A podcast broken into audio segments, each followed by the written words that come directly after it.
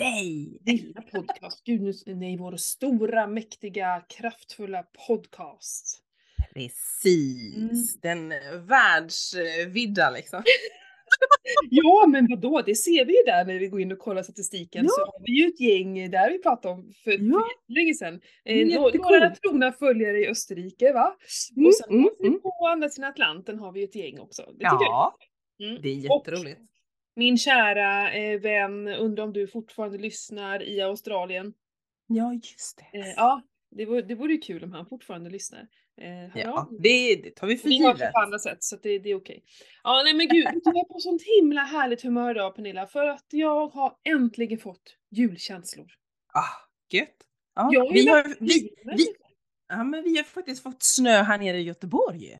Nej men ni har ju hela tiden snö, vi har ju Ja, men det försvinner väldigt, väldigt fort Jag kan jag säga. Men Men nu har vi haft minusgrader i länge och det ska komma mer snö här imorgon. Mm. Till helgen ska det komma mer snö så att det blir perfekt. Nej men det känns som att Falun har minst snö i hela Sverige. Det är helt sjukt. Men vet du nu, jag tror det beror på det också. Vet du, vi har ju eh, f- 14 minusgrader var det nog i morse när jag eh, vaknade. Eh, Allt. och alltså det är, jag var tvungen att gå ut och gå en promenad när solen hade gått upp. Jag fick vänta en stund för nu jag vet inte när den går upp, nu typ så nio eller någonting. Ja, den går upp rätt sent. Alltså så tjockt med rimfrost och du vet Mm. dimman låg tät och tjock över sjön. Alltså det var så vackert. Eh, jag tror julstämningen började komma lite smått här eh, i Mm. början på veckan tror jag. Eh, fick ju så här eh, cravings efter julskinka och kunde inte stå emot. Med. gör ju, I år gör ju vi till och med egen insaltning va? Vi går Ja, det, är lite, det, är lite, det är lite coolt faktiskt. Det har jag Ja. aldrig vågat mig på.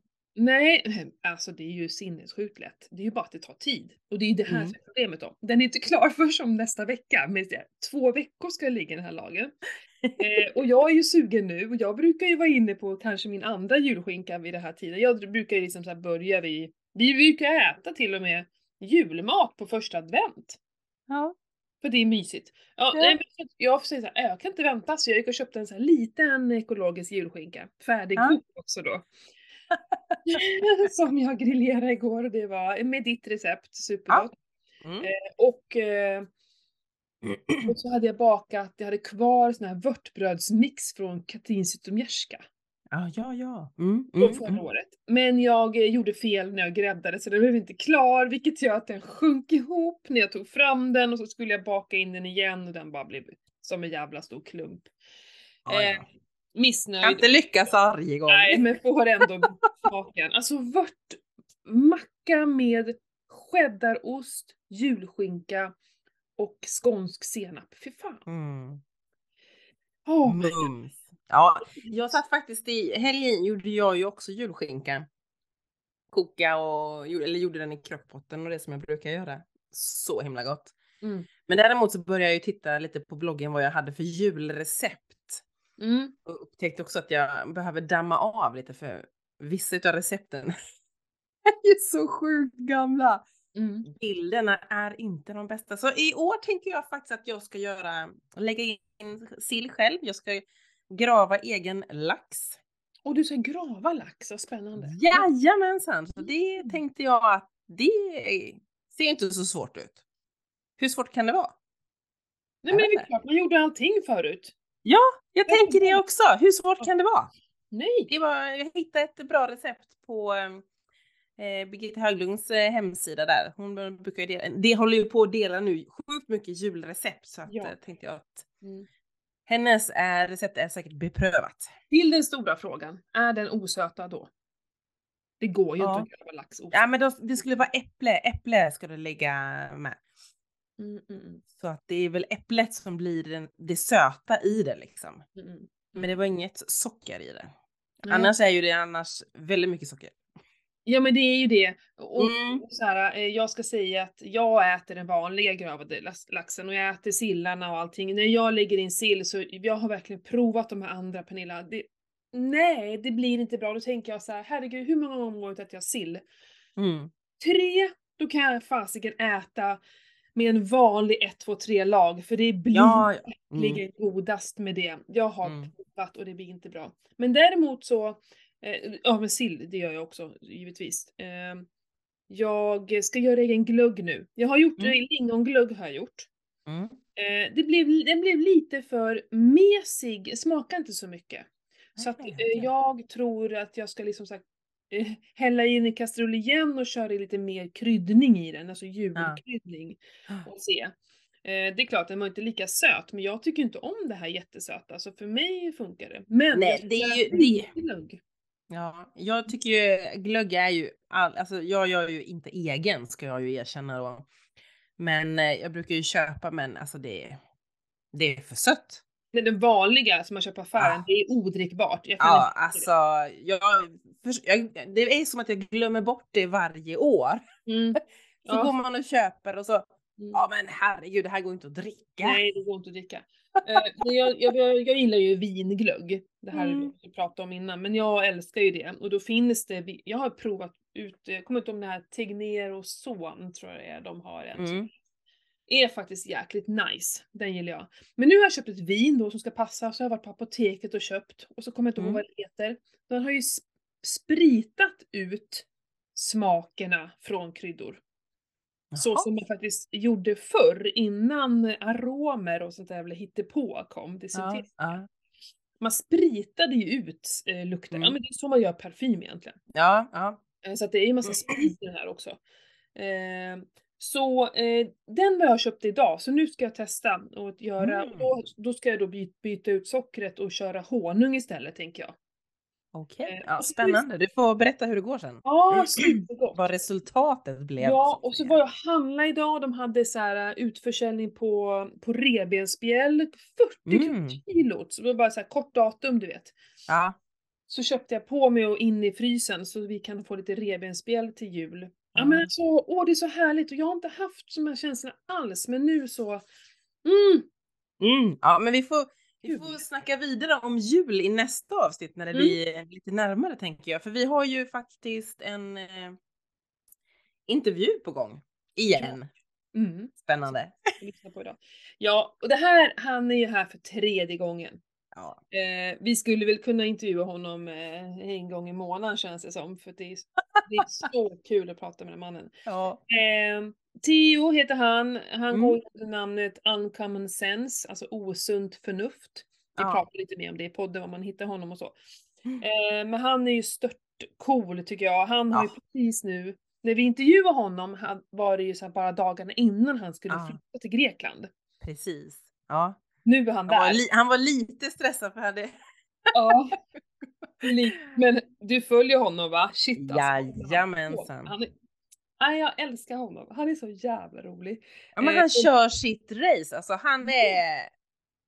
Ja, det är, jag tycker också det är ascoolt. Ja. Mm. Och han, eh, han är ju också min, eh, min eh, online-PT. Mm. Eh, Mm. så att jag chattar med honom nästan varje dag. Och Han, jag ska säga det så här, just nu är det no, inget keto för mig alltså. Nu är det kolhydrater och proteiner. Och jag, alltså jag är så jävla, jag måste bara berätta det här lite snabbt. Intervjun. Jo, så, så säger, vi pratade lite igår om hur eh, mycket protein jag åt och så satte jag på kostbevakningen.se och, och skrev i för jag, han bara hur Mm. många proteingram eh, äter du? Jag bara, ingen aning. Så att jag fyllde i på ungefär och upptäckte då att jag hamnade på så här 60 gram kanske. Mm. Äh, lägg av, du måste liksom dubbla det här. Jaha okej så här. Eh, och sen har jag sagt förut att jag borde äta mycket mer kolhydrater, Ja. eh, ungefär 100 gram har han sagt till mig och jag har liksom sagt att Mm. jag vet inte, jag får börja smått för 100 gram för mig är ju liksom eh, jag kan inte ens, jag vet inte ens vad jag ska äta för att få i mig 100 gram. Eh, Mm. Men i alla fall öka på eh, kolhydraterna, fattar. Så idag då, min första måltid, satt jag och skrev ner allt jag åt då för att liksom se hur det går med proteinerna och bara på en måltid då lyckades jag få i mig 60 gram protein. Jag bara yes, kände mig så jävla nöjd du vet så här. Började skriva till honom bara ja, ja, kolla vad jag lyckas med. Han bara okej. Kolhydrater, Bra, men! eh, kolhydraterna, bara shit, kolhydraterna, bara kolla. Två gram kolhydrater! Jag bara, jag är så jävla kass! Jag kan inte, jag vet inte hur man gör. Så här, jag vill bara fokusera på proteinerna. Två gram kolhydrater har jag lyckats få i mig. Nej, det går ju fet bort. Han bara, du måste skärpa till dig, det här funkar inte. Skulle du ha magruta eller inte? Bara, fan, så här. Ja, ja, så att, eh, jag måste verkligen jobba. Visst, jag, först, fattar du hur, hur Ja. jag är? Att jag, Mm. det, det, jag kan, alltså det, det är som att jag är, jag är så van vid det här keto-livet Mm. så att liksom och så ber jag såhär, vad ska jag äta? Okej, honung. Och så bara kolla, vad mycket är det i en tesked honung? Så här, Fem gram, fem gram kolhydrater i en tesked honung. Jag bara herregud! Hur fan får folk i sig kolhydrater? Jag fattar ingenting. Jag har typ tyckt att så här, en tesked eh, eh, honung bara shit, det här är socker. Fy fan mycket Ja. socker har jag tänkt. Men det är ju ingen, det är ju inget. Nej. Nej, jag vet inte. Jag har köpt massa frukt.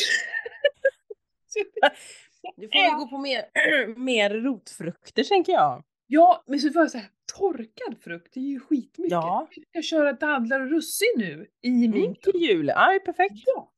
Det kan ju också vara ganska bra läge att göra här inför julen. Eftersom man... Ja. Men jag måste ju, får inte hålla på och hyvla smör under tiden. Jag kan ju liksom inte Nej. ha mycket kolhydrater och mycket eh, fett. Då kommer jag väl... Nej. Eh, Men jag tänker att det här kan vi snacka lite mer om i ett a- enskilt avsnitt. För, för jag har nämligen kommit på lite saker gällande, jag är ju i förklimakteriet. mm. Och då läste jag nämligen också i en tidning som jag hittade som var från 2020 att eh, jag kanske behöver öka på lite med kolhydraterna jag också. Mm. Mm. Och Så jag det- tänker att Bra.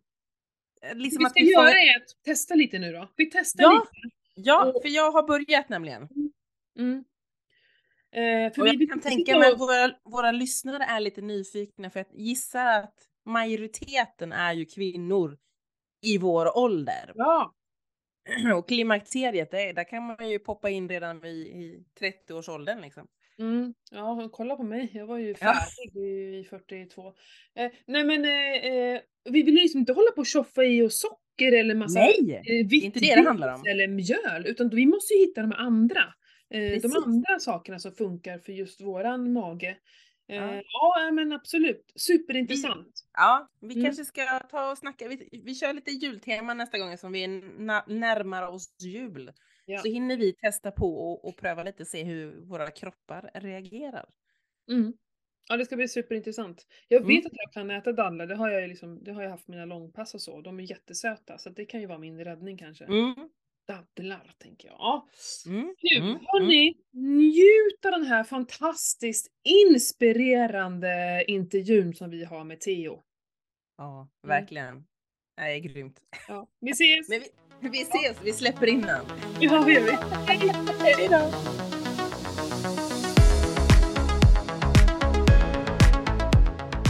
Ja men hallå hallå allihopa, det är ett nytt avsnitt av Keto-podden givetvis. Eh, idag är vi inte ensamma, det är alltid lika roligt när vi har eh, ett till ansikte här. Eh, välkommen hit Theodor, nu ska jag säga rätt, Gillemo. Det, ja, sa det helt fel. du sa det mycket som det stavas. I. Eh, Men tack så mycket. Eh. Kul att vara tillbaka för tredje gången då. Ja. Det, det är ju verkligen det. Eh, du har ju, eh, de som inte känner igen ditt namn, så har ju du ett eh, Instagramkonto. Även finns ju du på, på Youtube där du har många följare. Uncommon sense. Korrekt. Osunt förnuft hette ju du. Förut hette du ju det på Mm. svenska. Jag har faktiskt grävt fram några gamla tröjor jag gjorde för länge sedan så det står osunt förnuft på. Men Mm. tyvärr på baksidan är det en massa o- o- inaktuell eh, kontaktinfo eller vad man ska säga. Så Ja, det är så här, ja. Jag vet inte vad jag ska nej precis. Du gör ju väldigt mycket, eller nej, gör du bara på engelska nu? Dina inlägg och, och videos? Ehm, alltså på Youtube är det typ bara på engelska. Sen på Mm. Instagram blandar jag lite. Där finns ju, Ja. när man skriver, det är många som inte känner till har jag märkt, men det finns en översättningsknapp högst upp. Så om man skriver på svenska kan ändå den som vill. Så att när, när något jag tycker är lite mer aktuellt riktat till svenskar skriver jag på svenska. Typ. Ja. Mm. Mm. Mm. Superintressant. Eh, Jag har ju, lite, eh, har ju pratat med dig för inte så länge sedan. Jag vet ju om att du också är på väg att lämna landet. Stämmer. Ja, du flyttar ju. Hur, är det mycket stress eller? För det är ju bara om några dagar.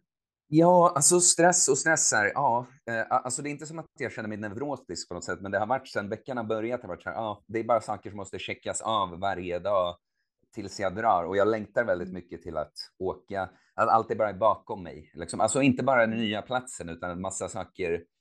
Alltså både saker bokstavligen med människor eh, och bara sysslor. Eh, mm. Så jag, den här veckan, stressig, den är, det är väl stressigt, men om du fattar, jag kon, har kontroll. Liksom. Det är bara att jag vet att ah, det är ingen lugn och ro den här veckan. Liksom. Nej. Nej. Nej. Och vart ska du flytta? Till Grekland, till Aten, till Saronida söder om Aten. Jag kommer bo vid stranden, eh, så jag ser fram emot det mycket. Ah. Yeah. Hur lång och, period tänker du vara borta? Alltså, det, det, det, är lite hur jag ska svara på det här, lite beroende på hur mycket ni undrar om det. Liksom. Men jag har ju, jag kan ju passa på att introducera mig kort. Bara så, ja, förlåt. Absolut. Ja. Att mm. jag, jag, efter att ha varit motsatsen, festat mycket och varit helt, inte alls inne på hälsospåret och gick in i väggen, så hittade jag det här med träning och hälsa och ta hand om sig själv och jobba på sig själv. Och jag började det, det, jag märkte att jag var bra på det, jag mådde, jag ändrade mitt liv liksom och jag visste det här vill jag jobba med på något sätt. Och så det är den banan jag har gått på under de här typ fyra och en halv åren nu. Och när jag precis, när jag var med er första gången, då hade jag börjat jobba som PT precis. Eh, men jag visste ju att det inte är PT på gym jag vill göra, utan någon mer egen coaching, holistiskt. Jag visste ju själv att jo, träningen och kosten och allt är en stor del av den holistiska processen och det är kul, bygga muskler och bli stark och allt det där, men det handlade om mer, visste jag. Så jag visste att det är något som jag inte kan bara tillhandahålla på ett gym. Jag vill ge till människor liksom. Eh, nej, men så sakta men säkert under att jag fortsatt göra content och lärt mig mer själv och utvecklats själv så började jag först lite löst coacha folk vid sidan av, folk som hörde av sig. Och sen så i början av året gick jag över till det på heltid då. Liksom. Och nu har jag äntligen satt upp en situation, jag har haft en vision om att jag vill flytta i typ två år i alla fall. Um, alltså bara inte riktigt vetat var, bara att jag vetat att jag vill iväg liksom. Uh, och nu har jag ju skapat så att jag jobbar online framför allt med folk så att jag kan jobba. Jag behöver egentligen bara en telefon. Det är bra att ha en dator också, men jag behöver, mm. platsen spelar ingen roll egentligen. Så den långsiktiga visionen är om jag kan bo för det mesta utomlands. Grekland är ju ett sorts första försök. Det, det känns lovande, men, ja, eh, men att visionen är att bo tre fjärdedelar av året ish utomlands och komma tillbaka till Sverige på sommaren. Eh, mm. Så det är det jag satsar på nu. Jag har bokat ett boende till och med i slutet av januari, men tanken är att jag ska vara kvar. Liksom. Mm. men lite där är, är vi då. Mm. Ja, Kul. fantastiskt. Och nu, alltså det är det som är så coolt med, med dagens samhälle, hur vi lever det här med eh, online-livet. Att vi mm. kan förflytta oss och röra på oss och faktiskt jobba var vi än är. Ja. Inte i alla branscher då givetvis, men, eh, men många. Och det är ju mm. ashäftigt. Mm. Jag ångrar ju, jag har, det är något jag, man ska inte ångra någonting i livet, men jag ångrar faktiskt att inte jag reste mer. Mm. Eh, som ung. Jag var alldeles för, för, för, jag mådde alldeles för dåligt psykiskt och klarade inte av det. Men, men jag mm. var ju inom restaurangbranschen så jag hade ju, många av mina vänner de stack ju till sig grekiska öar och även ja. Spanien och sådär och jobbade och fick jobba så här fort. Det var ju så lätt och hade ju alltså. sjukt kul. Ja, det kan jag ångra. Eller någon kryssningsbåt, vad som helst.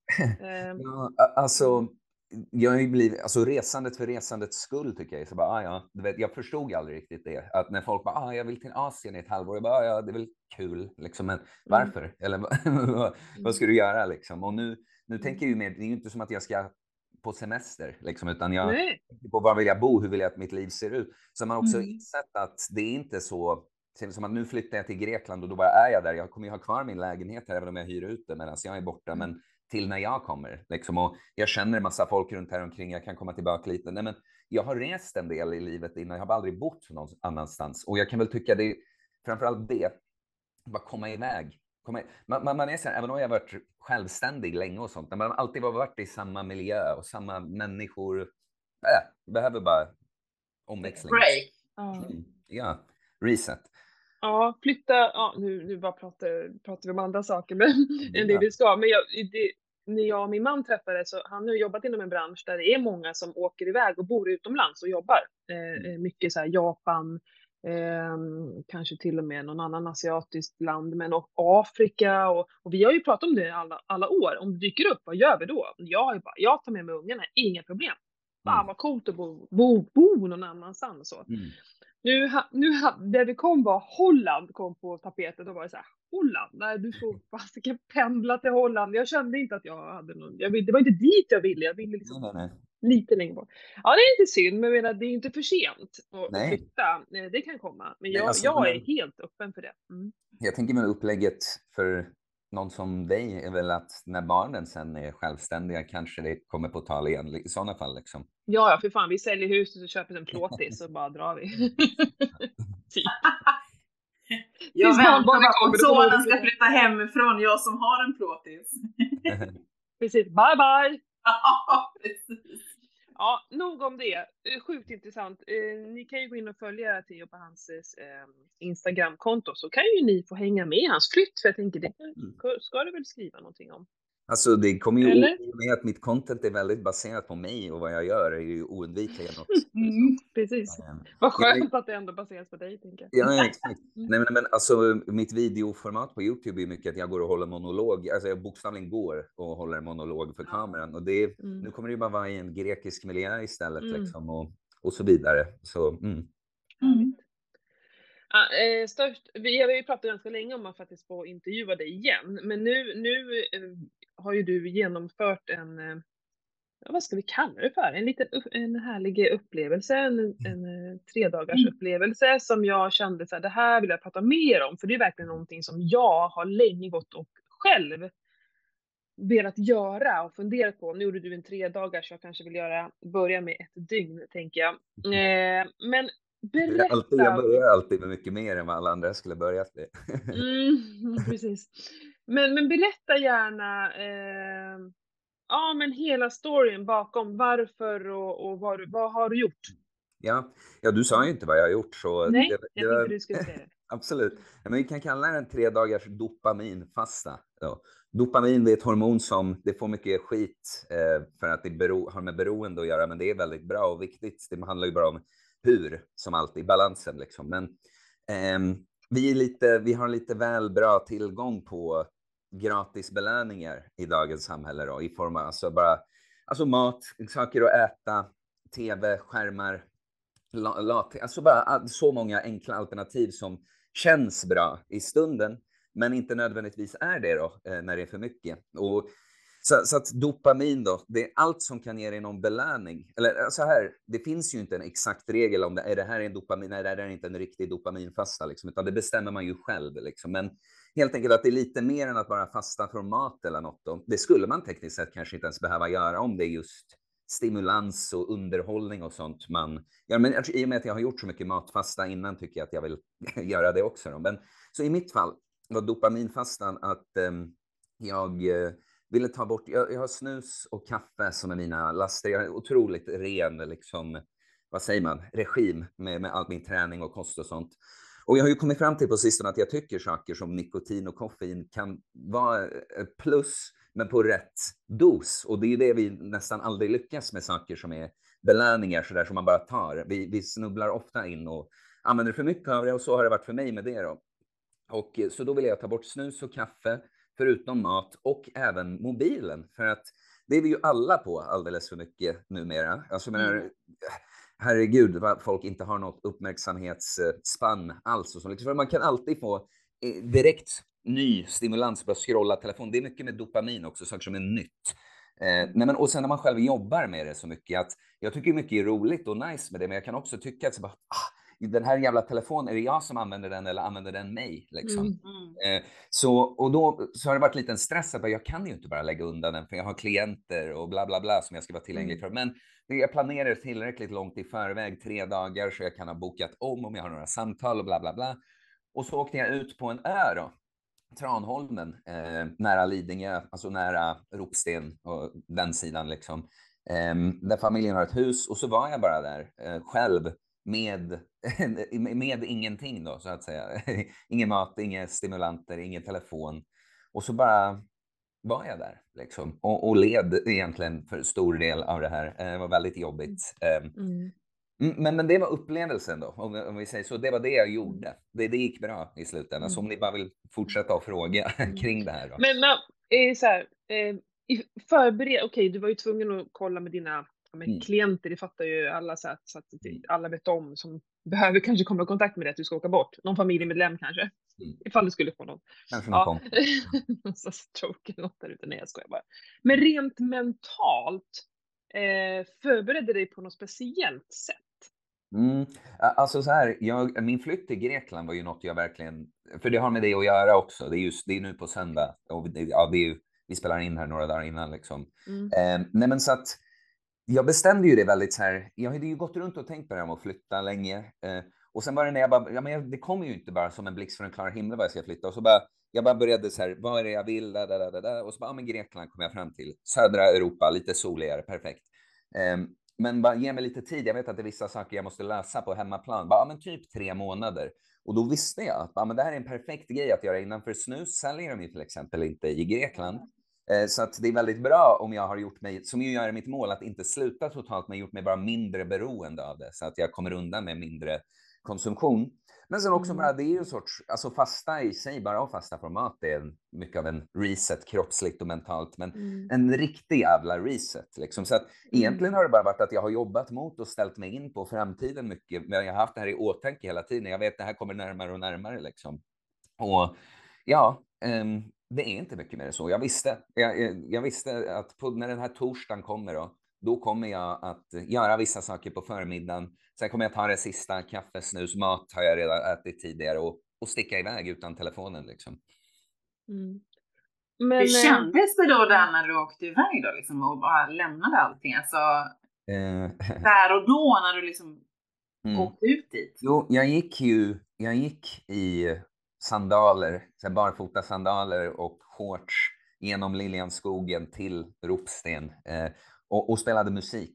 Och, och folk kollar väldigt mycket på en. Men, eh, alltså, även nu när jag, jag spelar inte musik hela tiden. Jag brukar gå ibland, runt med en högtalare ibland, så inte på så här extrem volym, men bara istället för hör, bara, så jag bär musiken vid mig istället. Ehm, Det, nej, det, men- gjorde man ju, det gjorde vi ju när jag var, du, du är ju så ung, men när jag var ung va, då, då hade vi ju inte. Nej, Alltså, jo det fanns ju eh, hörlurar. men alla hade, Herregud, så varannan gammal är jag inte. hade inte airpods på gatan. Men, men vi gick verkligen, man gick med, med bandspelaren liksom. Mm, Och spelade musik ja. med sig.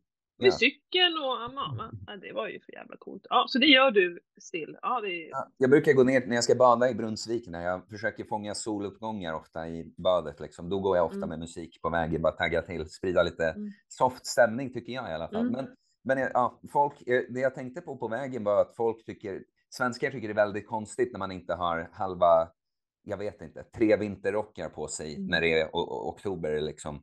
För att, ja, varför skulle man välja att vara, ha lite, vara lite lättare? För jag gör så mycket. Jag, jag försöker att alltså, vara så obekväm jag kan i princip. Liksom. Mm. Och då blir man ju, jag tyckte för övrigt inte att det var så kallt att gå i mina shorts där eh, och så. Men nej, men det, det kändes väl väldigt kul och äventyrligt när jag var på väg ut för att då, då har fastan inte tagit vid på riktigt Mm. än så att säga. Nej. Ganska snabbt, jag kom ju ut och så tittade solen fram, det hade varit molnigt, så då var jag så här, fan jag måste, jag hade redan planerat, det var därför jag gick i badshorts vad jag gick i då. Så när jag kom ut till ön med båten så var det, ja men jag måste i, jag måste i, eh, på en sån liksom.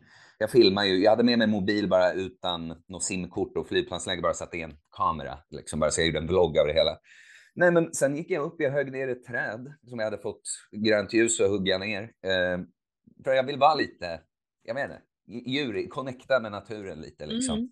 Och, Mm. och sen så, jag, jag gjorde den här dagen, jag bastade och jag gjorde en brasa som jag bara satt och stirrade in i tre timmar eller något på kvällen när jag började må sämre. Ehm, för jag vet, det, det som är sjukt, stimulanter, om man är, framförallt nikotin för mig, det går snabbt att må, alltså, må dåligt eh, Mm. utan det liksom. Eh, nej men så, ja, så, så långt var det så liksom. Eh, jag vet inte om ni vill fråga något. Mm. Mm. Eh, det var något jag tänkte på innan, men, men strunt i det. Eh, du åkte ut på morgonen. Mm, ja, en lunch-ish. Ja. Mhm, Mm, ja, precis. Ja, men då fattar jag att man, alltså jag vet ju själv, alltså jag, får jag inte kaffe inom två, tre timmar, då är det ju jobbigt alltså. Mm. Ja, men och, det börjar bara, alltså jag har ju använt det på morgonen då, liksom. Det, och det har jag ju liksom gjort lite strategiskt. Det är även så nu när jag försöker använda mindre. Jag, måste, jag frontloadar det lite. Om jag, om jag börjar, jag försöker skjuta upp det lite så att det inte är det första att bräcka i mig kaffe och snus när jag går upp. Att i alla fall en timme eller något får passera. Mm. Men så frontloadar jag det lite för att då kommer jag undan med att använda mindre senare på dagen. Så lite samma gå in på fastan då. För, ja, men jag, ser till, jag använder det lite här som jag gör på förmiddagen och, så att jag kan vara nöjd ett tag på dagen. Men så visste jag att jag skulle börja tycka att saker och ting suger lite på kvällen. Nej, men jag sov väldigt bra. Det är något väldigt konstigt jag har märkt att jag får inte problem med sömn när jag använder nikotin och koffein i en rimlig dos, men och inte efter lunch med kaffe och sånt där. Men någonting gjorde det väldigt enkelt att sova. Jag sov som en stock första natten. Och sen eh, nästa dag vaknade jag upp eh, och eh, jag mådde inte så bra. Nu har jag börjat få värsta huvudvärken. Liksom. Jag, jag började Mm. dagarna med att i mörkt, jag, jag vaknade ungefär, jag, jag ställde undan klockan, men jag, vad jag antar är typ halv fyra. Det är då jag brukar gå upp hemma också. Liksom. Och det är väldigt mörkt. Varför går du upp halv fyra? Precis För så, det är inte så att, okej på sommaren, för solen går ju liksom upp tidigt, jag fattar, men nu, det är ju mörkt. Varför går du Mm. upp halv fyra? mm. Men, vad- när borde jag gå upp? Menar du eller? Jag har ingen aning, det bara känns... Eh, ha, det är jättetidigt. Ja, det är det. När går du och lägger dig? Du måste ju gå och lägga Eh, dig eh, vansinnigt tidigt. ofta, ofta vid åtta. Ah, okej. Mhm. Eh, och, och, och alltså ibland, idag gick jag upp 2.45. Eh, och då, men då som, jag somnade typ sju igår, för jag var väldigt, jag är trött fortfarande. Ehm, Mm. Nej, men det, det, hur det började, om vi tar den lilla parentesen. Liksom. Mm. För det är det väl många som tycker är intressant. Jag har även märkt i hela Sverige när man har så här kompisar som jobbar med något liknande och sånt och som kanske tycker att de går upp tidigt och är doers eller något. Det är mycket respekt Mm. har jag märkt att gå upp så extremt tidigt som jag gör, som jag egentligen inte gör av någon annan anledning än att det bara blev så. Alltså att det började i somras. Jag gick väl redan upp okej tid, alltså sex eller något ofta. Men när jag har blivit, för mig har det blivit ju mer och mer jag har gått in på mitt uppdrag i livet, liksom att, som jag nu kallar när folk frågar mig vad jag jobbar med, säger att jag jobbar på mig själv och på andra. Eh, och då är det, det är typ det jag vill göra och ni förstår, och det menar jag att jag gör konstant. Alltså när jag tränar så jobbar jag. När jag tränar någon annan så jobbar när jag har coachingsamtal så jobbar jag. Jobbar när jag går in på ICA och handlar och är trevlig med folket där och anstränger mig för att sprida glädje för människorna runt omkring mig. Men då blir det här ofta att du vet, jag börjar längta till nästa dag. Sista timmarna i dagen, jag bara, vad ska jag göra nu? Jag har, liksom, jag har ingen familj att ta hand om jag eller någonting. Liksom. Jag har ätit middag. Jag vill inte sitta och spela tv-spel eller något sånt där som barn, små barn gör, liksom, utan jag vill göra vettiga Inte bara små barn, även vuxna barn. Ja, Även men- vuxna gör det. Jo, jo, jo, men det, jag, det, jag, Ah. jag säger det lite provokativt i att Mm. det är ett, en syssla för barn, eh, sådana här Mm. saker som vuxna människor måste göra hela tiden numera. Mm. Liksom. Mm. Och det har bara blivit för mig att när jag inte bryr kolla, sådana saker ibland när man måste varva ner och sånt lite, en timme eller två lägga på något sånt där här och då, det är väl inga konstigheter, men jag menar att jag vill inte ens för det mesta, för jag ser fram emot de vettiga sakerna jag ska göra imorgon.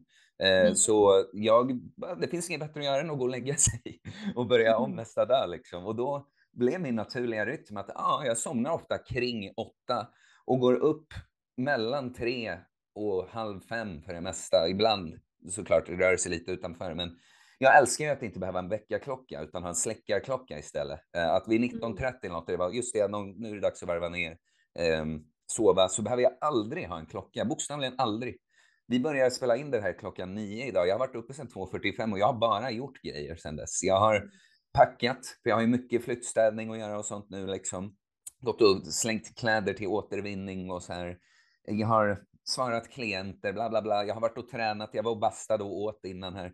Jag liksom gör massa saker tidigt på dagen. Och jag tycker väl att det är en ganska manlig grej att göra. Att, att börja sin dag innan alla andra så att man, man börjar jobba och har sina, mycket av sitt undanstökat i början av dagen så man har mer tid för andra när de är Mm. igång liksom. Men det, alltså det är, eh, nu när du pratar så tycker jag inte ens det låter konstigt. För att jag funderar Mm. på om jag inte hade barnen att ta hand om. Ja. För jag är likadan, på kvällen, jag vill typ bara gå och lägga mig. Mm. För jag längtar efter nästa dag. Ja. Alltså jag vill många bara att det ska bli en ny så dag. För det är hur dagen många är ju som liksom lyssnar slut. nu som är chockade över att man kan känna så? Att man inte kan vilja titta på ett till Netflix-avsnitt. Eh, vet. aldrig. Det är otroligt positivt att du känner så. Ja. Mm. Nej men så då undrar jag, hur hade det varit om jag inte hade liksom behövt ta hand om dem? För jag menar, de går ju och lägger sig vid åtta. Jag kan ju omöjligt gå och lägga mig innan dem. Nej. Så, det är nej. liksom kört. Eh, så när de väl är färdiga så, då är klockan halv nio. Och Mm. då känner jag att nu behöver jag eh, Mm. landa. Så då brukar jag gå, jag brukar ta med en mugg med varmt vatten bara och sätter mig och stickar i en halvtimme och sen börjar jag gå och lägga mig. Mm. För jag, Nej, men- jag har nog svårt att gå och lägga mig på en gång. Jag behöver liksom också landa i bara. Mm. Ja, Eh, Alltså det är ju det roliga också att jag, sömn är ju det som traditionellt har varit mitt största problem i hela ekvationen med häl- Alltså, ni vet, jag har aldrig varit en sån som bara börjar gäspa och nästan somna i soffan eller något på kvällen. Jag är liksom, för mig är det nästan alltid, om jag inte är extra ovanligt trött, så är det nästan alltid, nu måste jag gå och lägga mig för det är dags att göra det. Det är aldrig att jag Ja. känner det liksom på det Mm. sättet. Ehm, och det är också roligt, alla som försöker fly, som jag coachar och sånt, jag coachar ju allt liksom. Eh, och alla som försöker, nej men jag har alltid varit så med sömnen och så här och sånt. Och jag är så här, bara, ah, du är precis som jag alltid har varit och du ser hur jag skönt. Det går att göra något. Det går att Mm. jobba med sina tendenser. Liksom. Nej, men- ingenting bara för evigt liksom. Nej, men exakt. Nej, men det är bara det du sa där. Alltså, du kan ju fortfarande gå och lägga dig bra tid. A- Alltså, min regel egentligen ä, är lite vad jag baserat på alltså, ve- vetenskapen, men även min egna. Jag har sovit vid massa olika tider, liksom två timmar innan midnatt i alla fall. Då är det, då är du i sweet spoten för när sömnkvaliteten är som bäst. Mm. Och jag menar också att när man snackar om hur mycket timmar man behöver, det är lite individuellt, men åtta timmar, det, när du sover vid de bästa tiderna på dygnet, då kan du ofta komma undan med lite mindre. Det är därför jag skulle säga att jag snittar nog sju plus sju och en halv liksom i snitt, men det är en så bra tid liksom. Så att Mm. eh, att jag brukar skriva det när jag ska läxa upp folk om sömn på min Instagram. att så här, man måste inte gå och lägga sig riktigt så tidigt som jag, men du borde göra det innan 22. Det borde alla göra. Vi är inte Ja. gjorda för att vara uppe på natten. Liksom. Ja, ja. Nej. Nej, men det hade varit intressant att veta när jag faktiskt skulle gått och lagt mig om jag inte, inte har något annat att, att bry Mm. mig om och när jag då skulle gått upp. Mm. Eh, jag går ju upp halv sex varje, eller ställer klockan på 20 över fem, snosar en gång, sen går jag upp. Mm. Nej, men Eh, jag tycker ja. det är sån otrolig livskvalitet att inte behöva någon jävla klocka. liksom. Ja, jag skulle vaknar- önska det. Därför att när jag vaknar idag och känner så här, ah, mm, jag ligger alltid Mm. och vaknar till lite. Jag, jag behöver inte snosa för att jag vaknar och är som man är. Man vaknar ju inte så här Mm. helt alert liksom. Men Mm. så jag vaknar och ligger väl i upp till tio minuter och bara vaknar till liksom. Men när jag Mm. kollar på klockan idag och känner mig utvilad så är det så här 2.45 och bara, ah, klockrent. Jag vågar ju inte. Men det är ju drömmen, det är ju sådär jag skulle vilja leva. Och det kommer jag göra sen när Mm. barnen faktiskt får ta eget ansvar för sin, gå upp så. Men om inte jag får min timme som jag har varje morgon helt ensam. Mm. Eh, jo, jag vill inte, jag vill inte vakna av att, sam, eller samtidigt som barnen, det blir direkt massa ljud och volym och de är missnöjda och trötta. Nej, jag behöver få liksom bara, bara jag. Så därför måste jag, alltså Mm. det är så viktigt jag, jag för mig. Men jag tror jag skulle, alltså jag, jag vet ju när jag inte ställer klockan på helgerna så vaknar jag ändå vid den tiden. Mm. Nej, men, men jag fattar ju att det är en avvägning att eh, om du kunde få din timme på morgonen säkert utan att ställa Mm. väckarklockan hade du gjort det liksom. Men nu, ja. Nej, men och det, är det, Ja. här, det här jag gillar så mycket som jag alltid gillat med er att komma på podden, men det, det här, alltså människor som tänker på det sättet, liksom att ja, men jag behöver min timme på morgonen innan barnen Mm. kommer upp, för då kommer det vara på det här sättet och jag vet att jag kommer hantera det mycket bättre om jag har gjort det här. Vet, så många tänker inte, de har inte en plan med sånt här. Och, och det är det som, för att jag har en viss process som liksom en, alltså som jag ju, alltså pushar mitt brand eller vad man ska, eller bara som jag är. Alltså en, en hyfsat ung man i alla fall, som gillar att vara stark och bygga muskler, vara ute i solen och bla bla bla. Liksom. Ma- Då, då ser ju processen ut på ett visst sätt. Men Mm. Alltså det är det här med att ha en process. Många har inte ens det. Liksom. Och jag tycker det alltid är så nice när man hör som, ah men det är din process. Alltså att på morgonen ser du till att du går upp så du kan ta den tiden så att du är redo för X, Y, Z som kommer sen. Mm. Liksom. Mm. Mm. Mm. Ja, men det är ju, det är ju på morgonen som, som det liksom, det är då jag skulle vilja jobba egentligen. Mm. Tidigt, men det är då- tidigt. Ja. Det är då man är mest kreativ tycker jag. Mm. Jag, är ju, jag vaknar ju oftast halv, halv sex, kvart i sex någonting eh, går ju jag upp. Eller vaknar till liv. Mm. Ibland somnar jag om och, och låter klockan väcka mig. Men oftast när man väl går upp och jag liksom tänder mitt ljus, tar min eh, kaffe, reflekterar lite och sen kan jag sätta mig och kanske skriva ett blogginlägg och då är jag ju oftast mest kreativ när jag gör det och har sjukt bra inspiration. Mm. Mm. Alltså för, för mig är sånt där helt olika. beroende på- Det, det är något som jag, det hade varit kul att prata om också, men jag tänker mycket i termer av något som heter state på engelska, tillstånd. Och det man menar är liksom ens tillståndet man befinner sig i överlag just nu. Som just nu när det börjar bli mörkare och sånt. Alltså jag går ju fortfarande upp så tidigt som du påpekar trots att det är mörkt. Och det går segare att komma igång känner jag. Liksom. Mm. Um, och, och, det är liksom bara man är lite mer så på vintern. För att vi är del av naturen, också något jag insett. På. Så vi har också årstider. Uh, det är inte, Mm. bara, inte bara vädret som ändras. Liksom. Um, nej men så, så på sommaren när jag vaknar tidigt, då är jag lite mer så här vaknar, ah, liksom, kanske är riktigt alert från början. Liksom. Och nu, nu är jag seg, men jag, jag, har, jag har fokus, just så här sitta och pilla, skriva saker och sånt är jag bra på på morgonen. Men sen har jag också märkt att om man inte låter sådana här saker ta kontroll över en, att åh, jag är så trött nu. Jag önskar att jag var lite piggare när jag skulle gå med alla mina lådor här och sånt, liksom, som jag gjorde i morse, för så kände jag. Liksom. Men när jag bara går med lådorna och har gått tillräckligt många vändor och sånt, bara, ah, nu är jag ju igång för att jag gjorde, tog igång mig. Liksom. Mm. Mm. Mm. Mindset. Mindset. Jaha.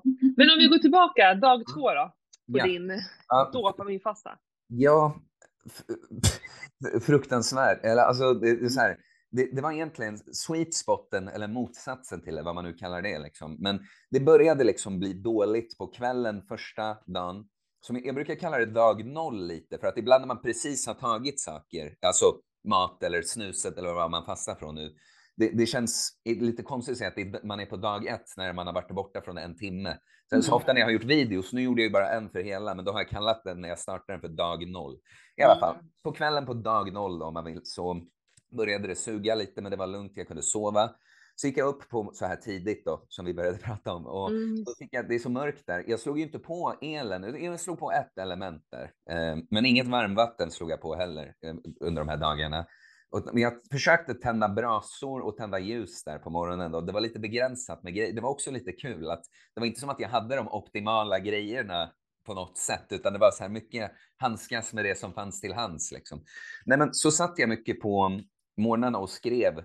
Just det, det, det är en intressant aspekt av hela den här fastan som jag inte planerade för allra, från allra första början, men som jag bara såg ske. Då. Att jag hade en ganska svår oktober skulle jag säga. Att det var mycket personliga utmaningar för mig eh, i relationer och allt möjligt så här, som jag fick man mycket att tänka på. Liksom. Och mot slutet av oktober när det här jag gjorde fastan då, då hade liksom det mesta börjat landa på plats. Men ni vet hur det är med massa saker ibland, att, att släppa något, det är inte så, så enkelt som man bara säger, ah, men då släpper jag det, och nu, nu går jag vidare, utan det måste Mm. ske. Liksom. Mm. Då Mm. tyckte jag att ah, men det är en ganska perfekt grej att bara gå in och bara ha inget annat än min insida att titta på så att säga. Och så blir det ju väldigt förstärkt allt det här av den jobbiga abstinensen och Mm. att inte ha ätit och inte ha något att kan inte kolla på något, liksom på telefonen alls.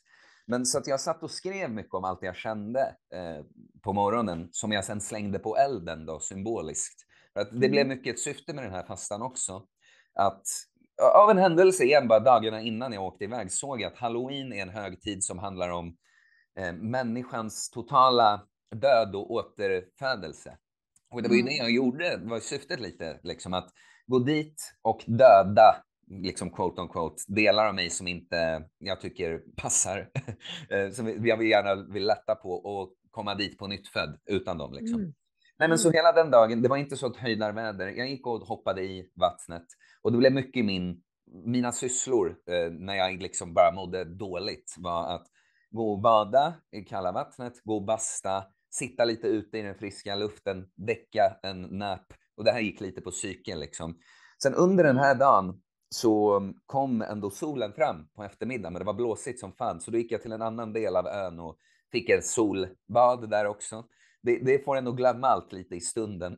för, Mm. för att det är så intensivt med kalla vattnet och nu skiner solen och det blåser som fan. Men väldigt snabbt hade jag värsta huvudvärken igen. Jag hade det hela dagen. Det var fruktansvärd huvudvärk alltså. Ja.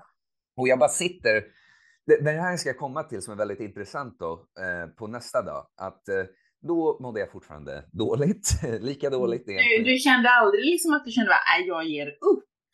Nej, nej. Alltså jag har ju bestämt mig för att jag ska Ja. göra det. Eh, Mm. Alltså ge upp, det jag respekterar inte, eller vad ska man säga liksom? Det, för det är något jag aldrig har gjort under den här tiden. Alltså visst, man har väl någon, någon enstaka gång på gymmet, man vet att ja, jag kunde tagit det där sättet en aningen längre eller någonting. Men i allmänhet är ju det min grej att alltså jag har misslyckats med massa saker som jag försöker göra. Men det här är ju, jag vet ju, varför skulle jag ge upp? Det är ju bara för att jag är en loser jag ger upp då, som inte kunde göra det jag sa att jag skulle göra. Det finns ju ingen anledning att ge upp mer än att jag känner inte för det här något mer. Liksom, och jag kan inte gå på det. Det är ju hela grejen. Det jag Ja. gör är att inte ge upp. Eh, Det är därför också man ska åka iväg så här, för du har för hemma, alltså göra, försöka göra sånt här hemma där det fortfarande ska lagas mat till andra, man ska liksom mm. försöka jobba samtidigt, då är det ju otroligt svårt. För vi, vi har gjort några långfastor och jag har även brutit långfastor när jag känner så här, jag, Mm. jag, jag kan inte sköta min, min vardag, mitt jobb i, i det här kaoset i huvudet liksom. Men just det är ju det som är hela grejen med att åka Mm. bort. Du har ju inga måsten. Du behöver Nej. bara stå emot det det här jobbiga. det, det är en annan sak också med att, alltså, alltså jag är, ibland så vill jag prata och göra kraftiga poänger liksom, men jag är mycket mer balanserad än vad man kan tro. Och jag vill bara understryka för just den här fastan, det spelar ingen roll hur jag mår, eh, hur pissigt jag mår. Om jag inte av någon anledning misstänkt att någonting är farligt här, men vad skulle det vara liksom? Ja, Eh, med, Medan om jag verkligen hade något åtagande som dök upp av något slag eller något, alltså jag menar, då är det plötsligt en annan sak. Och det är samma som eh, om jag bara, nej jag kan inte jobba eh, och jag behöver göra det på grund av den här fastan, jag- det är klart jag hade brutit ändå. Mm. Men jag menar att just när du, när du har tagit bort, det är ju det jag har sett till, det ska Mm. inte finnas något, liksom, och då gör jag det bara. Eh, Mm, Ja. Nej, men helt ärligt, det, det är lite suddigt i exakt i vilken ordning saker och ting hände under den här, för det var ju väldigt mycket samma grej. Försöka Mm. fånga fint väder när det kom fram liksom. För det är det jag har att njuta av i princip. Eh, jag gick och badade fler gånger. Ehm, nej, men det var på det som blir, vad ska man säga, alltså in på tredje dygnet då. För Mm. andra dagen och början, nästan hela nästa dag var väldigt lika med att jag sysselsätter mig med att skriva, elda, basta, kallbada, sova. I princip det jag gör liksom. Eh, och sen på kvällen någon gång, för jag vet det, jag har ju gjort från stimulanter innan. Det är bara att jag har aldrig haft en så stor strategi att ta bort det eftersom jag har haft nu. Nu har jag verkligen haft en plan efteråt liksom. Men jag vet att det är en drygt två dygn in som det brukar kännas bra igen. Liksom. Mm. Och då, då försvann det och jag bara så här, ah, eh, det, det, det är så lättnad att så här, Mm. mitt huvud spänner inte åt som, som är galet liksom längre. Men det otroligt intressanta som jag lärde mig av den här fastan, är, som jag väl vet en hel del innan, jag är inne på stoicism och sånt där, men eh, känslor och tankar. Vi, vi ger dem väldigt mycket vikt ibland och Mm. inser inte hur mycket det bara är upplevelsen i stunden. För att alla mina saker jag hade att tänka på, som kändes förjävliga, alltså jag kände mig sviken, ratad, övergiven, alla möjliga känslor jag går igenom där. Liksom. Och, och kolla, när jag sen mådde bättre, då är det så här, bara, ja, ja, det, det är lite stök på några områden och jag har en resa framför, det är en del att tänka på. Men så jävla farligt är det. Jag inser hur mycket mitt perspektiv blev färgat av mitt overall state igen. Jag nämnde ordet Mm. state, mitt tillstånd jag var i. Mm. Så det var en stor lärdom för mig. Alltså det är något, det är en sån där sak som man kan veta, man kan läsa motiverande eller coola quotes av gamla greker och sånt, men ens förståelse kan alltid fördjupas. Liksom. Och det var en väldigt stor ögonöppnare för mig att saker som kändes fruktansvärda liksom, var sen så här, ja, de är, det är lite jobbigt, men nu, för ett dygn sedan kändes det hundra gånger värre. Liksom. Nej, men om jag ska bara ro upplevelsen i land, så här, själva Mm. fastan, så då, då på kvällen, det roliga var att det hade varit lätt att sova faktiskt innan, vilket kan vara ett problem från vanlig matfasta och sånt för folk ibland. Jag tror för mig det blir något med att jag är så van vid de här stimulanterna att jag får ett underskott som gör mig lite trött. Liksom. Men, så det hjälpte ju på ett sätt att det gick att sova. Men då när jag mådde bra och började bli lite uppspelt igen, då blev det nästan svårt att sova sista kvällen. Men jag, jag lyckades få in en så här fyra, fem timmar, vilket ju är väldigt lite på en vanlig vecka eller något. Men under omständigheterna är det så här mm, bra, så länge jag inte har dygnat eller något. Liksom. Nej. För jag kommer, när jag väl bryter fastan och sånt vet jag att jag kommer sova fint igen och allt det där. Mm. Men, men så, det, det var då mycket bara att ta sig igenom. Jag hade med mig lite, jag pluggar ju grekiska inför att jag ska till Grekland, så jag hade med mig lite papper. Så nu när jag äntligen fungerade okej, kunde jag liksom sista timmarna på morgonen, jag viga åt det. Och jag hade ju kollat väderrapporten när jag åkte ut att det kan bli en riktigt fin morgon. Jag kan fånga en magisk soluppgång liksom, eh, i slutet av min fasta. Och jag hade ingen klocka heller, så när det bara började bli ljust så här, så gick jag ut. Men jag behövde vänta i en timme typ på solen. Så jag stod och frös fötterna av mig. Jag hade inga skor. Liksom. Eh, och, men till sist gick jag i till lite skön tv-spelsmusik som jag brukar ha då. Men det, det, det, som, det är arvet efter tv-spelen i ditt liv, att jag älskar musiken, för det påminner mig om när jag var ett barn. Mm. Eh, men då gjorde jag det där. Jag gick och badade, jävligt friskt, står där och som jag kallar det på engelska, craffing. Som, ni vet, skratt och gråt ligger ju väldigt nära varandra egentligen. Eh, och det var det, jag, det kom inga tårar, men jag står där bara, liksom fattar inte riktigt vad som händer. Man är överväldigad typ. Nej, men sen var det bara att städa ihop eh, vad jag nu hade rört, rört ihop i huset liksom och dra. Eh, sen det roliga är att när jag kom tillbaka så um, min påse gick sönder som jag hade. Jag hade en påse som jag skulle handla mat i och jag hade en ryggsäck med lite grejer jag tog ut då. Ehm, och eh, då tänkte jag, ska jag ta en sån här jävla Voi hem nu bara, en sån här sparkcykel som vi har dissat förut på det, tillsammans på podden. Men så jag, nej, jag har ju inte min telefon, jag kan inte. Så det sista jag behövde göra 72 timmar utan mat och snus och kaffe och allting var att bära min 10 kilos kasse i famnen så och, och ryggsäcken på ryggen i tre kilometer. Så, här. så det var en ganska massiv finish på det hela. Mm. Så kom jag hem och åt och, och så vidare. Och tog kaffe och snus. ja, definitivt. Det var så roligt för du sa att du hade inga skor. Eh, eh, körde du även barfota då hela? Nej, men, Du använde inga skor? Jag hade bara med mig barfota sandaler som är väldigt lika flipflops då. Eh, Ja. och, och, um, mm, jag, ska, jag måste investera i några bättre sådana också. Men det var de enda skorna jag hade med och jag gick ju mycket barfota. Eh, Mm. Men till exempel ibland när jag skulle gå ner och bada, det var kallt på morgonen och blöt grus typ. Jag bara, ah, det kommer riva upp mina fötter. Det, det rev upp mina fötter ändå faktiskt. Så, Mhm, ja. Mm, mm. Jag har ju härdat fötterna mycket, men ibland pushar man det mycket. Mm. I know. Jag, jag hade blåmärken under mina fötter här efter en promenad jag tog.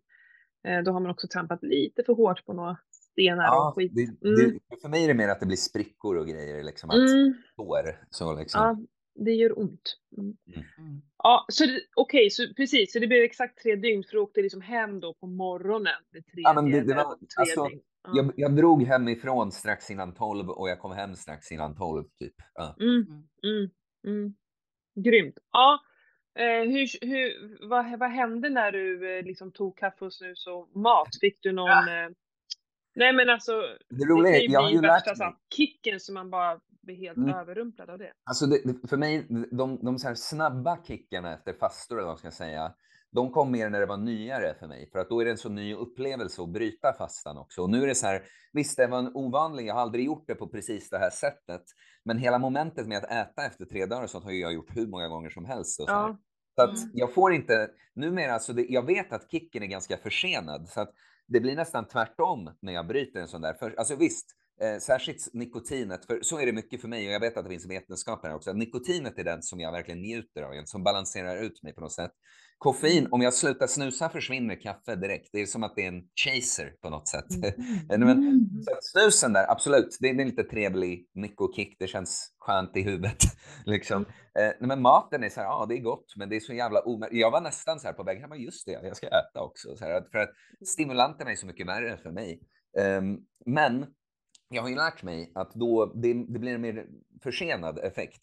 För där är det som att effekten snarare är, när man fastar så där, sympatiska nervsystemet, så fight or flight, som, en, som är lite dålig beskrivning, det är egentligen act, action liksom. Så när man fastar då skulle väl sympatiska nervsystemets funktion vara att få en att jaga, gå och leta mat liksom. Men helt enkelt att när man fastar så slås det på rätt rejält då.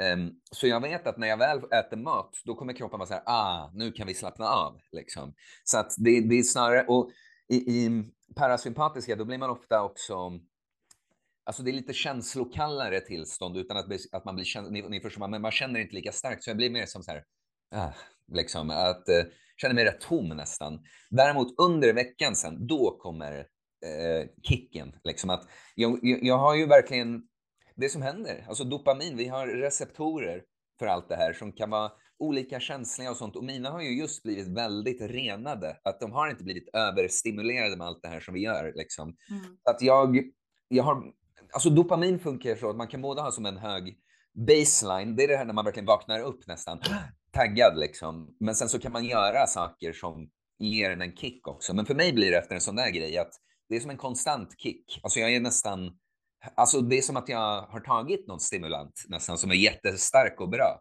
Och jag bara, de här första fyra dagarna, jag bara jobbar så hårt, jag gör så mycket grejer liksom. Och jag känner inte som att jag har förlorat, eh, eller som att jag överanstränger mig. Däremot, sen kom en krasch andra halvan av den här veckan, att jag behövde sova väldigt, väldigt, väldigt mycket. Nu är jag väl mer eller mindre tillbaka. Men jo, Mm. en sak jag vill säga om när jag kom tillbaka, utöver att jag får den här starka energin då, det, det är Mm. lite personlighetsbundet också. Jag har ADHD-diagnos, jag bryr mig inte jättemycket om det, men jag är lite bipolär om vi skiter i diagnoser, utan bara ordet. Så jag Mm. har ganska stora toppar och dalar och det är något jag måste jobba med. Men så för mig blir det sådär väldigt att jag blir helt in, inslungad i den.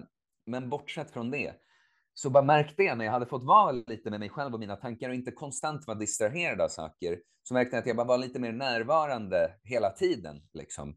Och när jag bara började, för nu har jag ju en plan med snus och kaffe, liksom, en viss konsumtion jag vill ha och då blir det lite mer strategiskt. Nej, skjut upp det när jag känner suget. Att vänta lite tills du har gjort de här sakerna, sen kan du göra det. Liksom. Mm. Mm. Men så kommer jag på mig själv när jag är på väg in i något med helt automatiserat beteende. Liksom. Och nu är det som att jag har tillfälle att bara vänta nu, så här, nu höll du på att ta grejen som du inte skulle, vi sa nyss att du inte skulle göra det här. Liksom. Mm. Och samma, ni vet, jag vet inte hur det blir för er generation, liksom, men särskilt för mig och ännu mer för yngre tror jag. Jag, jag är 29 by the way. Ehm, det här med att alla skärmar, man är så van vid att ska jag laga mat till exempel, men jag kan ha något på, på YouTube eller jag kan ha en podcast eller liksom och, och när jag kommer på mig själv med att hela tiden behöva de här sakerna också så blir jag så här, fuck det, så här, att jag, jag ska aktivt göra något trist nu. Jag ska bara stå och diska eller jag ska bara laga, jag ska bara plocka med grejer här liksom. Så det är något jag har tagit med mig också, att jag vill inte förlora den här närvarande med mig själv som jag vann av fastan Mm. för mycket Mm. liksom. Mm. Så jag har jobbat på det efteråt. Mm. Det vi pratar supermycket om just det här att det är så många som hela tiden antingen måste lyssna på någonting eller titta på någonting. Att bara vara. Alltså, Mm. Folk kan inte laga mat längre eller vika tvätt eller någonting. Vi ska hela tiden stimuleras av någonting.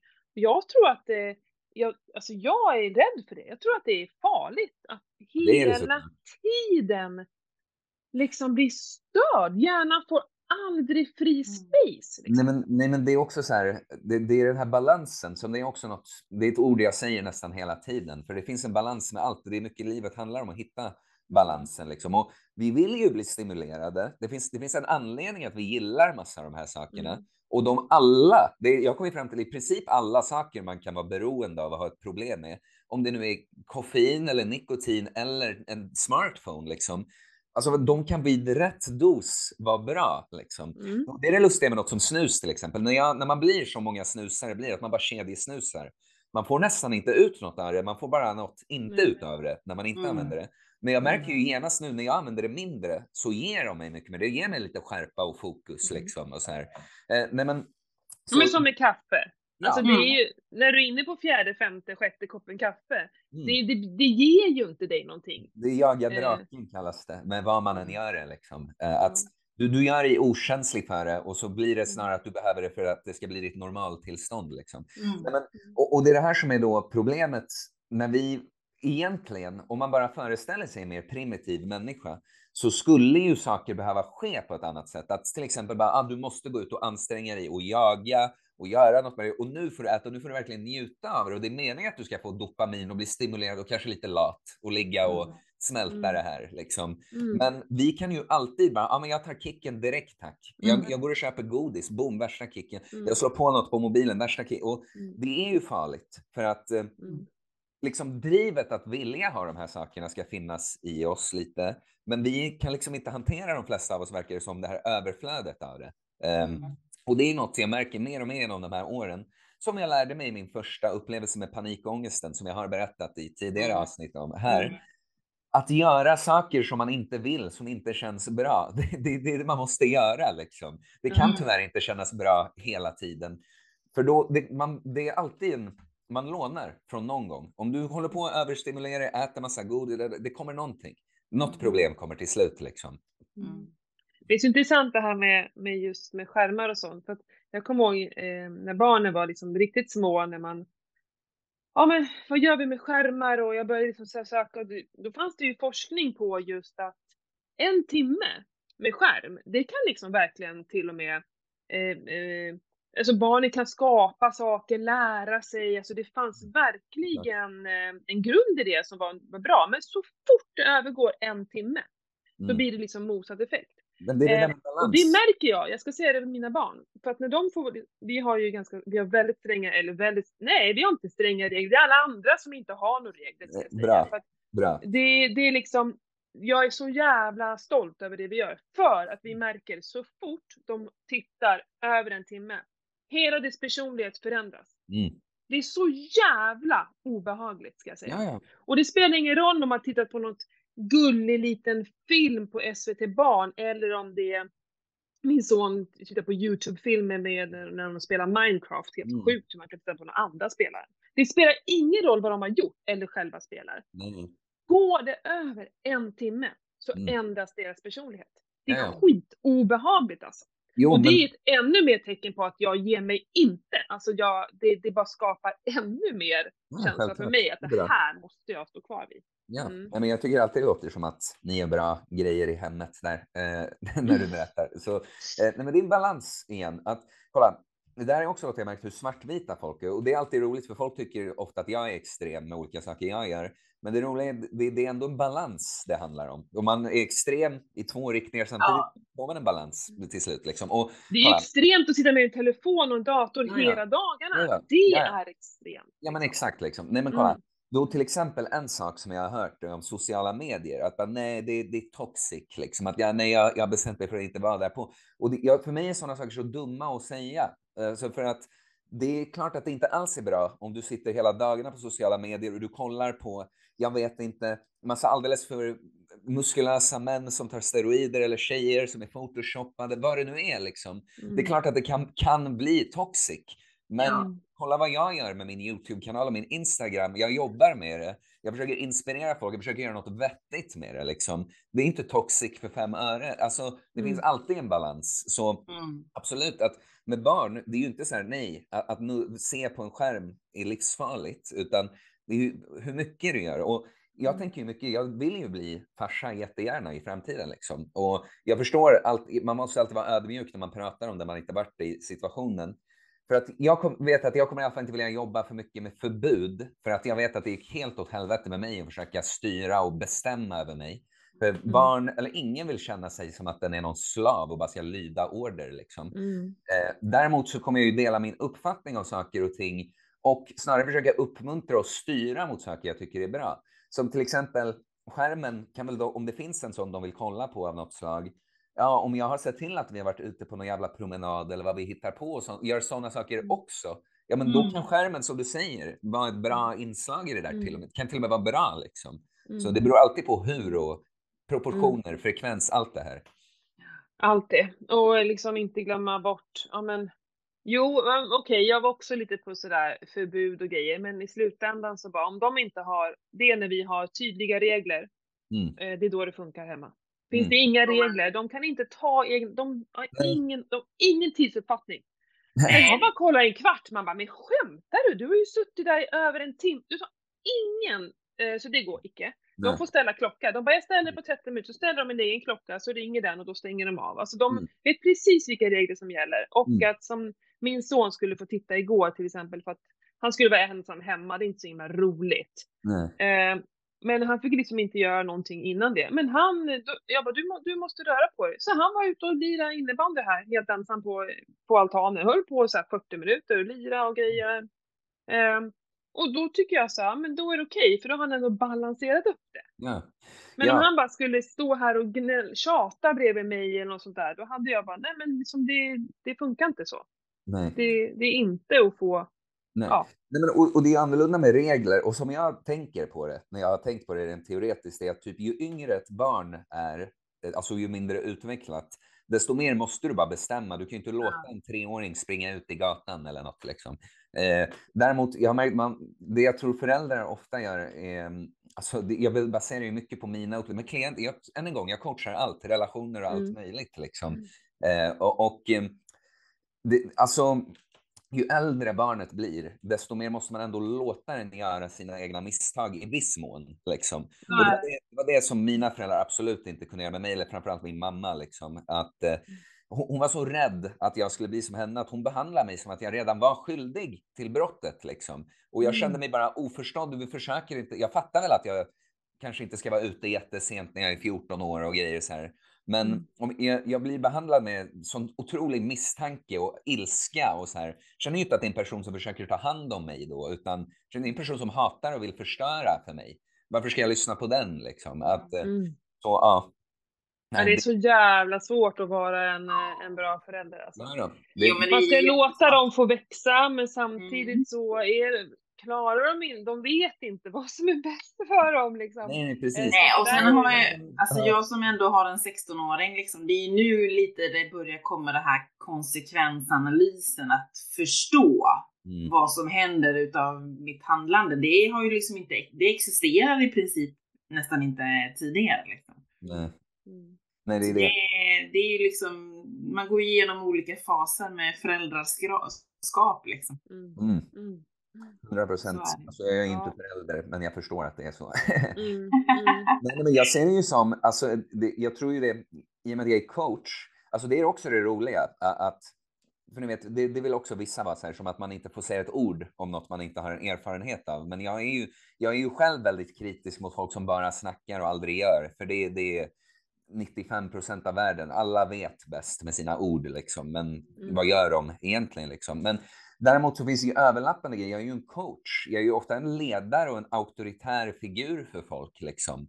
Och jag märker ju vad som funkar. Vilken alltså det är jätteolika med vad människor behöver också. Att vissa behöver lite piska. Alltså särskilt helt ärligt. Jag har färre kvinnliga kunder, men ofta de jag, det är när jag vill att du ska säga att jag inte får göra det här och så här, verkligen vill bli bestämda över så. Och vissa vet, det går inte med vissa. Eh, och in, in fact, jag måste lära dem att inte vara så mot sig själva. Det här är en stor sak jag märkt med beroenden. Eh, hur stor del av beroenden som är att eh, det är inte bara det fysiska eller vad det nu är, utan det är att du tänker på det och gör det till en grej. Jag måste sluta med det här. Nu har du plötsligt en inre strid om att uh, jag känner för att göra det, men jag får inte. Uh, och, och, det här mm. leder ofta till för folk att när de misslyckas, då, miss, då är det nej, jag kunde inte. Mm. Men, och då, då, får jag lära folk till exempel, det var kul att vi kom in på det här för när vi pratade om föräldrar, men det är intressant. Mm. Att till exempel, en kille i USA som han, han rökte gräs liksom, och det blev ofta en dålig följdeffekt för honom att han då började äta massa dåligt och så vidare. Och hans attityd om det var som att det var det värsta i världen. Liksom. Och kolla, jo, gräs det är en drog och alltså, det kan bli problem där definitivt. Men ska man kolla på det, det är inte den värsta i världen. Det finns betydligt värre problem man kan ha. Och jag behövde bara lära honom gång på gång att säga, men kolla, att sluta säga det som att det var det största misslyckandet i världen och att så här, I relapsed again, så här, I need to quit this. Bara, du kan ju inte. Det är ingen idé att du sätter du lär dig själv att du är någon som säger att du ska sluta och inte kan gång på gång och hatar dig själv mer och mer. Vad mm. om du bara är någon som gör det här just nu och vet att du borde göra det mindre och försöker göra det mindre. Liksom. Och efter fem gånger med lite misslyckanden och påminnelser om det här, då var det som att någon pusselbit kom dit. Så fort han accepterade att okay, jag kanske får ha den här bristen, liksom, mm. då kunde han släppa det också. Så. Mm. Mm. Nej, men, får, jag, får jag lägga in ja, en, en annan som, som påminner? Det är exakt samma sak. Jag hade en klient som eh, så här, Åh, varje morgon ställer jag klockan, jag vet att jag borde gå upp tidigare och liksom, och du vet så en jävla ångest att hon inte gick upp då, vad det mm. nu var, halv sju, för det borde man ju göra, man borde gå och lägga sig tidigare. Alltså, mm. hon, hon, hon, hon, det var liksom sånt stort problem för henne, det här med sömnen. Och så sa jag, men om du ändå ligger och snosar till sju varje dag, så här, skit i det. Ställ klockan på sju. Mm. Gå, och lägg, gå och lägg dig när du vill. Ha inga måsten på dig. Och så, och så ställer du istället klockan på sju. Mm. Skit i att ställa på halv sju. Det funkar uppenbarligen inte. Och så lägger du inget värde i när du går och lägger dig. Ställ den på sju. Hon bara va? Jag bara ja men gör det. Vem säger att du måste gå upp halv sju? Vem är det som bestämmer det? Någon annan liksom så här. Du vill uppenbarligen inte gå upp klockan halv sju. I alla fall. Och då gjorde hon det. Och det resulterade i att då gick hon helt plötsligt, kunde hon så här redan vid tio, För hon tyckte liksom jag borde gå och lägga mig tio och inte elva. Så. Ja. Nej, jag gick och la mig tio. Mm. Jaha. Och så Ja, bara men- gjorde hon, och fick ett så här lugn i allting. Ja, då vaknade hon tidigare. Nej Ja, men, men, vi har så mycket krav och så, det är, det är metoden som det är fel på. ja, Det är ja, men det här är... jag, alltså det är Nej, du nej, nej. som har Nej, men, och det är det där jag har märkt, liksom, att det är det där jag menar med att så himla ofta så är så mycket av det folk tror är problemet är bara att de gör det till ett problem i sitt Ja. huvud. Eh, Ja, liksom. men man är väldigt snabb på att döma sig själv. Ja, Ja. Men, jo, men också, eh, inte bara det, utan ehm, det, det är liksom som en förväntansångest. Ibland. Ah, jag har ju problem med det här. Ah, det är så jobbigt att jag hör det. Ah, det, det kommer vara Mm. jobbigt att sova nu igen. Liksom det är så här, det är bara, men skit i det. Så här. Du vet att det borde bli bättre. Låt det vara som det är. Liksom. Ganska ofta så visar det sig att ah, det fanns inget problem när du inte var en fiende till dig själv i ditt huvud, Mm. utan bara var lite soft. Mm. Liksom. Mm. Ja. Nej, alltså det är så... men det är, ibland är det väldigt svårt att själv kunna ändra på de här tankesätten. För vi Mm. fastnar i det. Och det är därför jag ofta pratar om att ta hjälp av en coach. Mm. Alla borde ha en coach. Ja, ja. ja men alltså, Eh, Men det, det som jag tycker är det knepigaste med det är att ehm, det, det är, för folk vill så gärna det också i det här jävla informationssamhället. Folk vill så gärna veta om de ska köpa en produkt som det ändå är att köpa en coach till exempel. Vad ingår? Liksom, ah, så här många minuter samtal, träningsprogram, skräddarsytt, bla bla bla. Ja, ja, Mm. allt det där gör man ju. Men det är egentligen en människa som har åstadkommit något som du vill åstadkomma som bara är inblandade i din process. Alltså som jag ser det lite nästan som att min hjärna, att jag försöker liksom nudda andras hjärnor med den så att jag ska, mitt sätt att tänka och göra saker ska färga av sig på dem. Sen blir det ju på olika, någon som, om man får en klient som är lite nyare för styrketräning kanske man måste prata lite mer om det. Men massa av mina klienter, då är ju liksom träning och kost är något som man så här, alltså vi har en strategi för och talar omkring, men mycket är liksom bara hela mindsetet, hur vi ser på saken vi gör nu, när något inte gick som man tänkte, när någon känner att den har misslyckats och jag hjälper dem att beskriva det på ett mycket bättre sätt för sig själva. Alltså det är som när folk säger, det här gör folk mycket, jag är svag, jag är dålig på det här, jag är ju dålig på det och jag är ju så liksom. mm. Men det är så här bara, jag jobbar på att bli starkare. Eh, Jag vill bli starkare i det där. Jag är inte så stark som jag vill bli. Det finns massa sätt att ändra om det. Liksom. Mm. Eh, Mm. Mm. Det ska bli intressant, Theo. Mm. Jag vill göra fem pull-ups. Ja, ja, men Du så, coacha mig nu. ja, precis. Det blivit lite uppskjutet i med den här flytten då, men absolut. Ja, Eh, det ska bli väldigt Det ska bli intressant. skitkul. Och det, sen med dig blir det ju lite så här, alltså, du är inte min typiska klient liksom, så vi kommer väl ha lite annorlunda upplägg eh, så. Men eh, det är ändå samma, det kommer vara jättekul att utöver träningen bara prata med dig genom processen liksom. Men jag ger ju dig fria händer så att eh, jag menar bara för att jag, jag eh, tycker att jag har koll på, på liksom min kost och mina rutiner så jag är ju väldigt öppen för att testa nytt och så det är inte så att det är, nej du får inte coacha mig inom det eller det utan Nej, nej, nej, nej, vet, bara jag inom vet. träning. Men, men jag känner, Eh, Så jag tycker det ska bli intressant. Absolut, jo men jag känner ändå att när vi går in i det så är det på något sätt, jag menar i och med att du ändå gör mycket själv och sånt, att det är ändå lite, light på något sätt. Alltså vissa är man mycket mer, eh, alltså vissa behöver verkligen hjälp med Ja, allt. Ja, och, och det är är okej så. såklart. Men, mm. mm. ja men det ska bli grymt.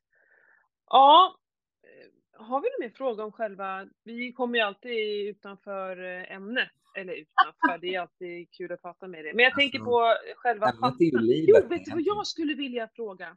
Det är Mm. att, ja du säger att du har, eh, jag ser ju att du sitter och håller i din snusdosa hela tiden också. Den Det är är lite tom. intressant. Den är tom. Ja, men det är väl ändå något så här, du sitter och håller i den och så. Men, Ja. men hur mycket har du dragit inte ner på det? Det Det, är det hade varit inte- intressant. De, de som lyssnar vet ju inte. Jag ska, förlåt, säg, säg, säg det sista igen. Jo, hur mycket har du dragit ner? Det borde, Mm. även om ingen behöver göra exakt som du, men så här, vad menas med att du, snu, du Mm. snusade hela tiden förut och hur mycket Mm. snusar du nu och kaffet? Det vore intressant att veta hur mycket du har dragit ner på det. Mm. Ja, alltså det är väl en... eh, Jag måste ha dragit ner till en så här 25-30 procent av min ursprungliga konsumtion just nu. Och visionen är väl en typ 10 procent liksom. Och jag snusade väl typ en dosa om dagen.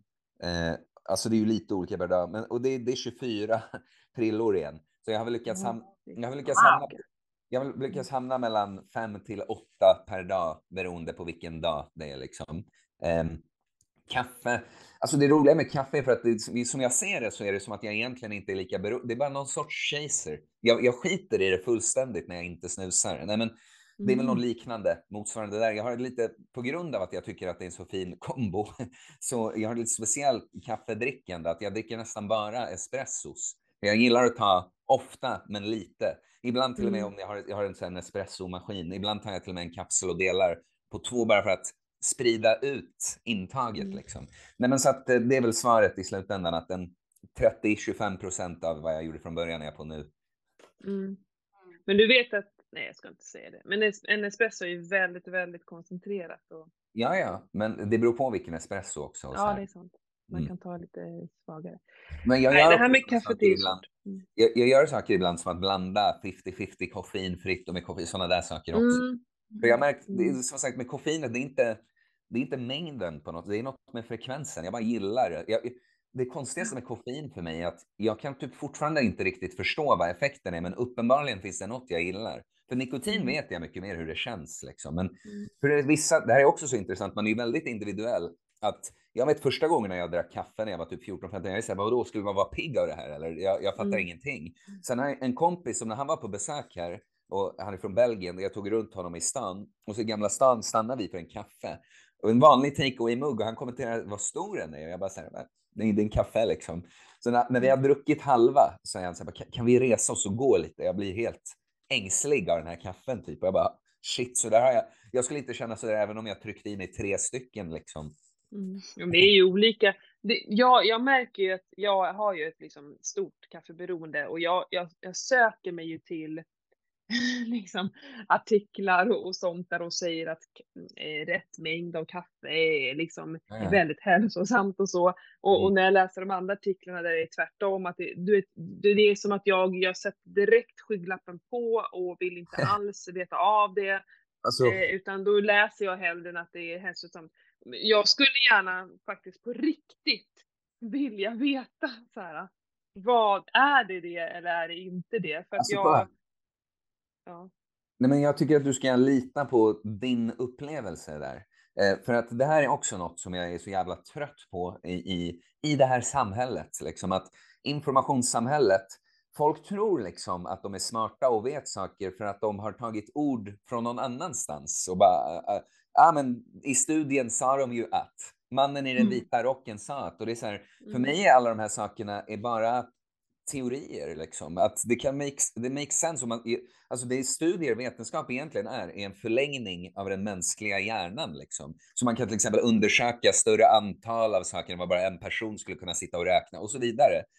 Um, och så, det är det här som är grejen med min uncommon sense-vinkel, att uh, jag kan nästan inte ta till mig liksom sån information om jag inte kan synka upp det med någon upplevelse jag har i verkligheten. För om någon säger till exempel kaffe är dåligt, och jag säger det är dåligt för din mage. Och jag säger varför funkar min mage så bra då? Det, mm. det är så här, eh, så fattar du, i slutändan tycker jag att man, man kan få idéer och ta i åtanke saker man hör om kaffe är bra för det eller det är dåligt för det, men gå på din upplevelse liksom. Mm. Mm. Det jag bedömer för mig är att det, det kan hjälpa mig otroligt med fokus, båda de här eh, stimulanterna. Eh, och eh, däremot när jag använder dem för mycket, jag är inte känslig för dem. Eh, även, alltså, även innan jag använder dem mycket. För som jag sa, direkt när jag testade som liten, jag kände knappt någonting. Liksom. Men det jag märker är att det bränner ut mitt nervsystem ändå på ett sätt som jag inte uppfattar. Men att, alltså, alltså till exempel, jag, jag skulle kunna bli, om jag har druckit kaffe på morgonen och tar en nap, känns för jävligt att vakna upp efter det. Eh, det, det, det, känns hemskt liksom. Så Fattar? Ja, hela den här långa utläggningen egentligen för att säga att så här, man, man, kan, man kan vara uppmärksam på hur saker, man, man tar in något och känner efter och är ärlig. Märker jag någon dålig effekt från det här eller gör jag inte det? Och så får man inte bara lita på externa källor utan på sin egen upplevelse också. Det är i slutändan det bästa mätinstrumentet man har på allt det här. Ja, gud vad skönt jag lyssnar på dig. Ja.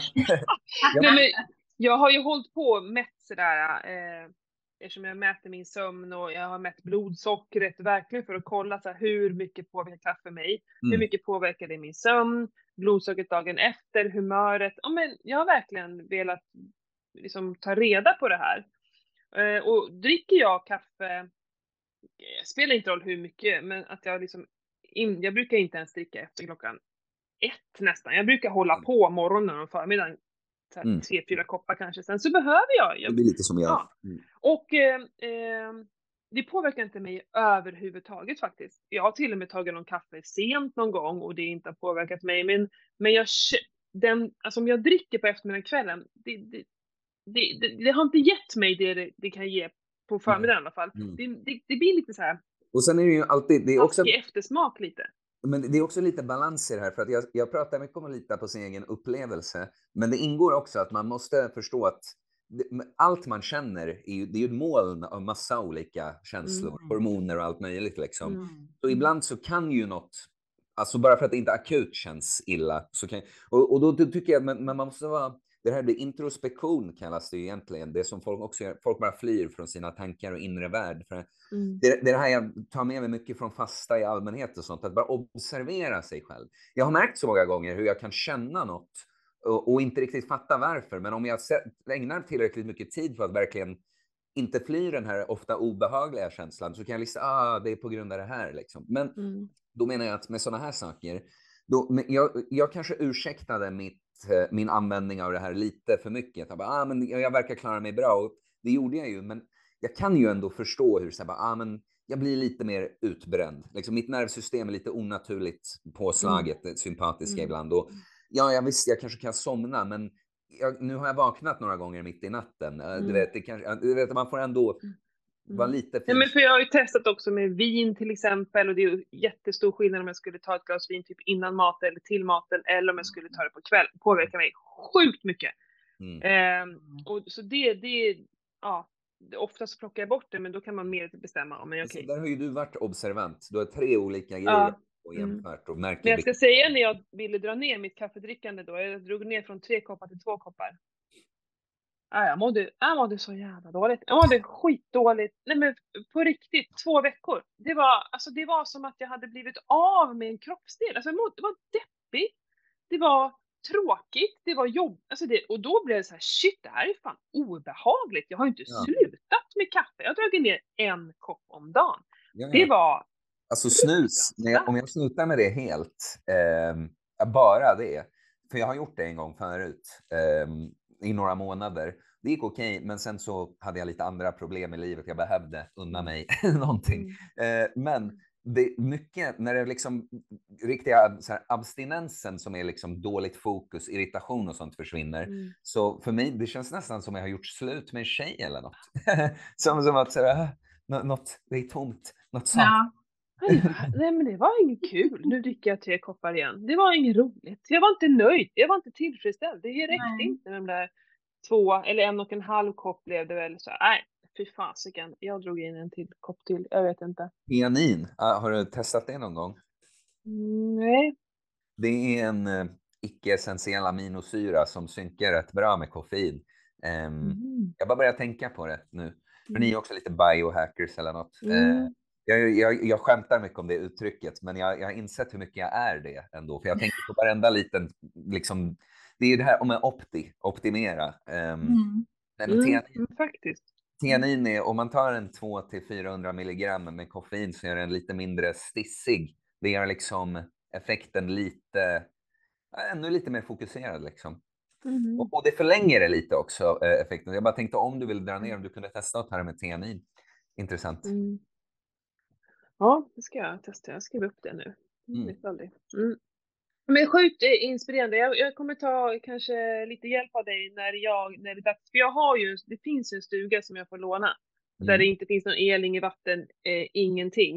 Mm. Men jag tänker att jag ska vänta tills snön har liksom försvunnit och, oj, så att det blir lite mer vår. För då tänker jag också så här, jag ska inte ha med mig några skor. Eh, det är bara fota som gäller och sådär. Så det blir min lite vår, eh, vårupplevelse. Eh, jag tror det här skulle vara sjukt intressant. Jo, det jag skulle fråga, har du sparat någonting av det du har skrivit eller eldar du upp allting? Jag eldade allt. För, Åh, jag, shit. Mm. Men alltså grejen är, det, det är så roligt, liksom vissa saker, när, när, alltså om jag tänker på vissa saker jag skrev så här, det är ju löjligt liksom. Ja, hur jag kände i stunden. Nej men det var ju mycket symboliskt, jag ville få ur det ur mig Mm. och sen Mm. bränna upp det. Det är ju verkligen Mm. som att, Du renar dig själv. Mm. Jag har gjort lite sådana eh, saker, vi kallar det för rädsloinventering tror jag. Då ska jag Mm. också skriva massor så här, och så skulle jag, men jag skrev och det mycket om var rädslor skitjobbigt. också. Ja. Ja, och så skulle vi läsa upp det här för någon. Mm. Eh, och sen så skulle vi då inför den här personen, personen fick ju absolut inte kommentera utan bara säga ja, okej, ingenting annat. I, absolut inget värdering. Och sen skulle man riva sönder det. Mm. Medan man då pratade med den här personen, eh, jag tror vi körde videosamtal, skulle jag riva sönder det. I små, små, små bitar. Alltså, du vet. Det, det, man bara, bara grät och det var så här, vilken jävla, det var helt sjuk känsla att vara med om. Det Mm. borde alla göra. Och just att det var, ah, det var så jävla härligt. Så jag tänker att det blir lite samma sak. Så här, Mm. att jag kan skriva vad jag vill nu för att det har ingen Mm. betydelse. Jag kan verkligen bara säga det. Sen glöms det bort på något sätt. Ja, nej men alltså, Och vad renande. men det är mycket saker med antingen att prata med någon eller att skriva är ju mycket att man gör något mer konkret. För ibland Ja. så, vi har ju mycket tankar och ibland tänker vi verbalt, men vi tänker mycket icke-verbalt. Vi bara känner och sånt också. Mm. Och då är det lite när man ska liksom komma till botten med något så att antingen säga det eller skriva ner det liksom eh, hjälper mycket. Men och sen blir det bara lite symboliskt att när det väl är ute då, riva sönder eller elda upp det liksom. Mm. Mm. Åh gud, jag längtar. Ja men det, det, jag tycker det är så inspirerande. Sjukt kul. Mhm. Ehm, ja, tack så mycket för den här gången. Vi kommer Ja. säkert intervjua dig igen. Vi måste ju få höra sen hur du har det nere i Grekland. Ja men precis. Ja men det, är det är väl en årlig grej det här eller? Mm. Ja men det är lite så. Det är nästan ett år emellan. Det var Ja. augusti, september sist så det kanske är Ja. lite mer än ett år nu. Mm. Ehm, men vi kommer ju höras och ses till ganska mycket du och jag. Theo. Ja. Det ska bli Mm. kul. Det ska bli Ja, nu det ska coachas allt. Ja. Jag, tänker, Nej men, mm. jag tänker som det har blivit nu att vi, alltså vi, det här kan vi prata mer om du och jag, men bara säger det, vi kan mjukstarta lite nu i november eh, och sen kör vi våra tre månader från december liksom och Mm. mm. Mm. så blir det pull-ups och Mm. lite kanske lite magrutor till och med. Ja, det där visste jag, men då måste jag ju deffa. Jag vet inte Ja. om jag orkar det. Se. Nej men för det är ju så, magrutor har vi allihopa. Det handlar ju om vad som sitter utanpå. Ja, Precis. alltså det här är också... Mina, är, mina är värderade. Ja, precis. Nej, men det där är också så roligt. Jag, eh, för det är definitivt genetiska faktorer med sånt där. Att jag har Mm. alltid ganska bra abs, alltså till och med när jag lägger på mig lite fett och jag, jag har inte tränat dem så mycket direkt. Jag gör ju många stora övningar så jag tränar ju min core så. Men Mm. det, det, det, det jag märkte, det är framförallt riktigt spinkiga personer, killar eller tjejer. De kan behöva verkligen träna magen om vi bara snackar om det här med magrutor som syns liksom. Mm. För att det är som att det spelar ingen roll att det inte finns något fett, för det finns så lite muskler. Att det är inget som trycker ut mot huden liksom. Så, nej, men, Så är det så- med mina biceps, spelar ingen roll. Den bara är helt plan. Och Pernilla, hon behöver ju för fan knappt göra någonting och så bara boom. ja. Men Du hade ju fasiken det till och med innan du körde hårt. Jag ser ju dock fram emot att pusha dig lite i träningen och se vad som händer Ja, då. men jag behöver det. Ja, jag tror det. Jag behöver det. Det är, ju, alltså det är det jag säger, alla behöver en coach. Det är väl inget problem för mig att träna. Men det, det är som att eh, jag har ju tagit hjälp av coach eh, mycket förut också. Alltså jag gör ju det titt som tätt. Så här, någon gång per år brukar jag ta lite. Och Mm. det är ju om jag har ett schema, så jag, jag gör det ju. Jag är ju verkligen den som gör 100% av mina Men pass. det är ju inte bara det, utan Och det det är här- sjukt kul. Ja, men, men det som jag gör, jag har ju samma tänk. Alltså när jag coachar någon är det ju som en förlängning av eh, hur jag skulle göra mig om jag var dem. Liksom. Och det, jag accepterar ju inte för mig själv att progress inte sker. Alltså det ska, jag ska ju bli bättre på vad det nu Mm. jag vill. Och, och det kan man inte alltid veta exakt perfekta vägen för, men då anpassar man sig och man ger aldrig upp. Liksom. Och det är ju det, är ju det här jag gör med klienter också. Att, eh, för, för många, har ett schema, många kan följa ett schema och, så och sånt, men det som jag undrar ibland är, ja, men kan folk sätta en progression i rörelse? Liksom? För det är det som måste ske. Du vet, Mm. Folk tror att man, de vill ta stora steg framåt, men ni vet 10 000 små steg tar en fram till slut också. Liksom. Mm. Mm. Och det är bara det här att optimera och se till att här kan du ta ett litet steg. Ja, du kanske kan ta ett litet steg här. Det, det, det, det var på folk Mm. så där liksom. Mm. Mm. Mm.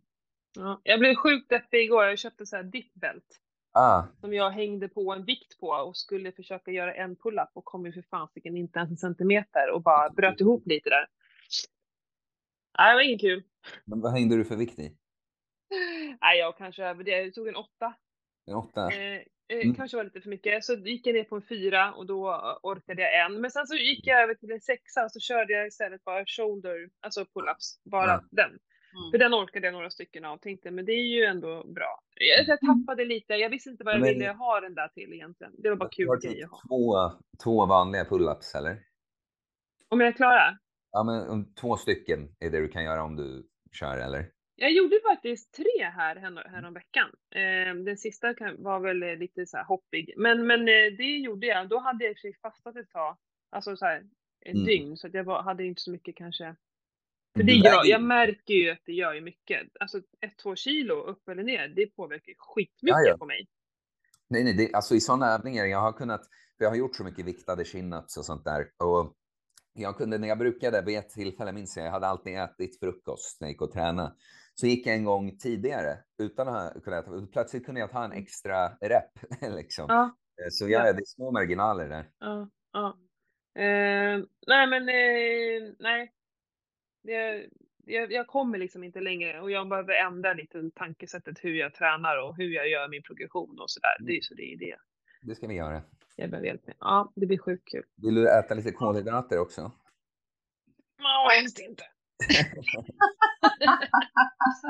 Nej, men alltså- om det, men Ja, det, vi, Det är vi får se vad det är för slags, eh, ja precis. Nej men vi, vi har ju pratat om det ibland, att uh, train low, race high, att just när det liksom gäller, det, det är helt okej att äta kolhydrater.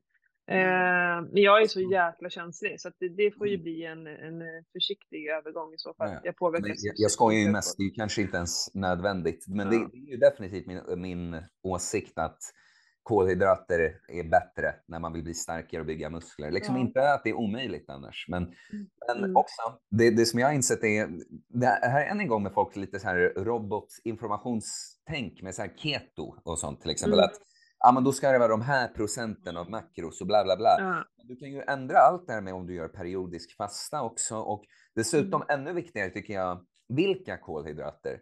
För att Ja. eh, jag, jag äter nog, alltså för att vara någon som äter så otroligt mycket egentligen som jag gör, så äter jag ganska låg kolhydrat. Eh, alltså moderat får man väl säga eller något.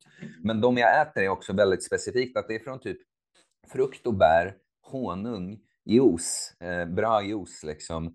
Och, och, ris och potatis och det är typ det. Det är nästan, det är väldigt få undantag jag gör från det liksom. Och, Mm. ja, jag tycker det spelar så himla stor roll vad för kolhydrater också. Ja. Ration i hela, alltså hur många procent och så vidare. Mm. Nej, alltså det är inte så att jag aldrig äter kolhydrater. Jag gillar också honung. Det har jag faktiskt börjat ta mer och mer nu på sistone. Mm. Ehm, just för det känns ju som en så naturlig eh, kolhydratkälla. Bär äter jag också faktiskt ganska mycket. Bär är väl ganska LCHF, keto. Ja, ja, men det är så mycket annat som min mage bara slår bakut alltså. Jag Mm. åt lite morötter här, eh, kokta morötter. Fy fan, jag ska inte prata Råa om det. då? Ja, råa går nog bättre. Jag älskar ju Eh. råa morötter. Ja, det är ju härligt att tugga på om inte annat. Ja, men det, det är a carrot. Jag, jag har allt, vi har gjort massa, jag och några som håller på, influencers, I guess, man håller på att göra massa rim och sånt. Vad var det? Mhm. A carrot a day keeps excess estrogen away. Uh, a carrot per meal for a belly of steel. Eh, och ja, det, det Mm. första säger ju sig självt. Det, morot kan rensa ut lite överskottsöstrogen ur tarmen liksom. Mm. Men sen också, det, jag har märkt det här själv och det, det finns flera alltså, nutrition-personer liksom, som är inne på det. Att en morot till en måltid gör ofta matsmältningen väldigt bra. Det är som att det är en bra katalysator eller en bra, vad ska man säga? Det liksom balanserar ut det bra. Mm. Jag är ju lite så här med fiber, att det är så roligt, det beror alltid på vem man pratar med. I mainstream-läran, liksom, då är det att fibrer är jättebra och viktigt, ha massa fibrer av någon anledning som inte kan smälta. Liksom. Mm. Men sen så vissa som är inne på carnivore-spåret, då är det ungefär som att fibrer är djävulen ungefär. Mm. Jag har ju märkt att jag tycker att en re- medelmängd fiber är hjälpsamt för matsmältningen, men att man inte behöver ha extremt högt typ. Så jag tror Mm. livsmedelsmärket, eh, det beror ju jättemycket på personen, men 30 till 50 gram per dag något rekommenderar de. Jag har märkt om jag håller mig snarare på 20 till 30, det är typ perfekt. Och sen ska det inte vara fibrer från, från vetemjöl eller Nej. liksom spannmål. Det är ju där det stora Mm. problemet ligger. Vi att gärna från behöver- morot och frukt och grejer. Ja. Mm. Ja, men precis. Ja, intressant. Ja, men mor, råa morötter går skitbra. Vi, har, köper ju här från via Reko på eh, så krav, eko. Så jä, alltså de här morötterna är för det första gigantiska. De är så jädra goda. Ehm, Mm. Och det kan vi köpa hela året. För de liksom, det är det som är så härligt just med rotsaker, att det går ju att lagras. Mm. Så vi kan ju Mm. köpa liksom på vårkvisten schyssta morötter också. Ja, det är Mm. något, i- maten i Grekland ser fram emot i allmänhet, men jag har förstått Mm. att morötterna är tydligen grymma där jag bor. Det kommer vara fantastiskt bara Mm. tillgång till att folk, alltså alla har typ hönor där och grejer, så att bara Mm. kunna köpa ja, men morötter och ägg och grejer bara runt Mm. omkring sig från den som, ja i princip Mm. direkt från djuret, liksom. jag älskar det. Jag skulle ätit mer grönsaker tror jag om det hade funnits liksom närodlat. Alltså Mm. även nu. Nu vill jag bara hålla mig borta från grönsaker. Det känns helt onaturligt att äta. Ja, alltså de flesta är ju rätt onödiga. Det är också en konstig, alltså det är också bara lite så här os, osunt förnuft, liksom att v- om man lägger ett jävla salladsblad och köttbit framför en unge, vad kommer de äta liksom? Eh, det- och jag litar på den här barnets okorrumperade kropp liksom. Sen är det ju Mm. därmed inte sagt att inga grönsaker är bra alls och sånt, men det är bara, Nej. Alltså kärnan i vår, eh, vårt näringsintag ska ju vara animaliskt anser jag, och sen kryddar man med lite frukter och bär och Mm. grönsaker och nötter, Mm. vad det kan tänkas vara. Ja men nu är det ju rotfrukter. Alltså det är det som man ska äta egentligen nu. I den här Mm. årstiden. Mm. Inte så här, tomater och paprika. Nej. Liksom. Så är det. Ja men superkul Theo. Mm. Nice. Eh, lycka till med flytten. Tack. Mm, glöm inte att gå in och följ Theo Uncommon Sense på Instagram och Youtube är ju sjukt kul. Ja, Mm. på, på Instagram är det at uncommon sense fitness. Det är som common sense fast uncommon. För att det är Mhm. ovanligt med, Okej. ovanligt med sunt förnuft numera. Eh, Mm. Så at uncommon sense fitness och kanalen heter bara uncommon sense. Och det är där jag är just nu. Och då, då kan man, man kan de, om man är intresserad av coaching eller något sånt kan man DMa på Instagram eller mejla mig. Den mejlen står i videobeskrivningar på Youtube. Mm. Yes. Gör så. Ha det så fint! Ja, men detsamma. All lycka till nu Theo. Tack. Tusen tack. Hej då! Hej.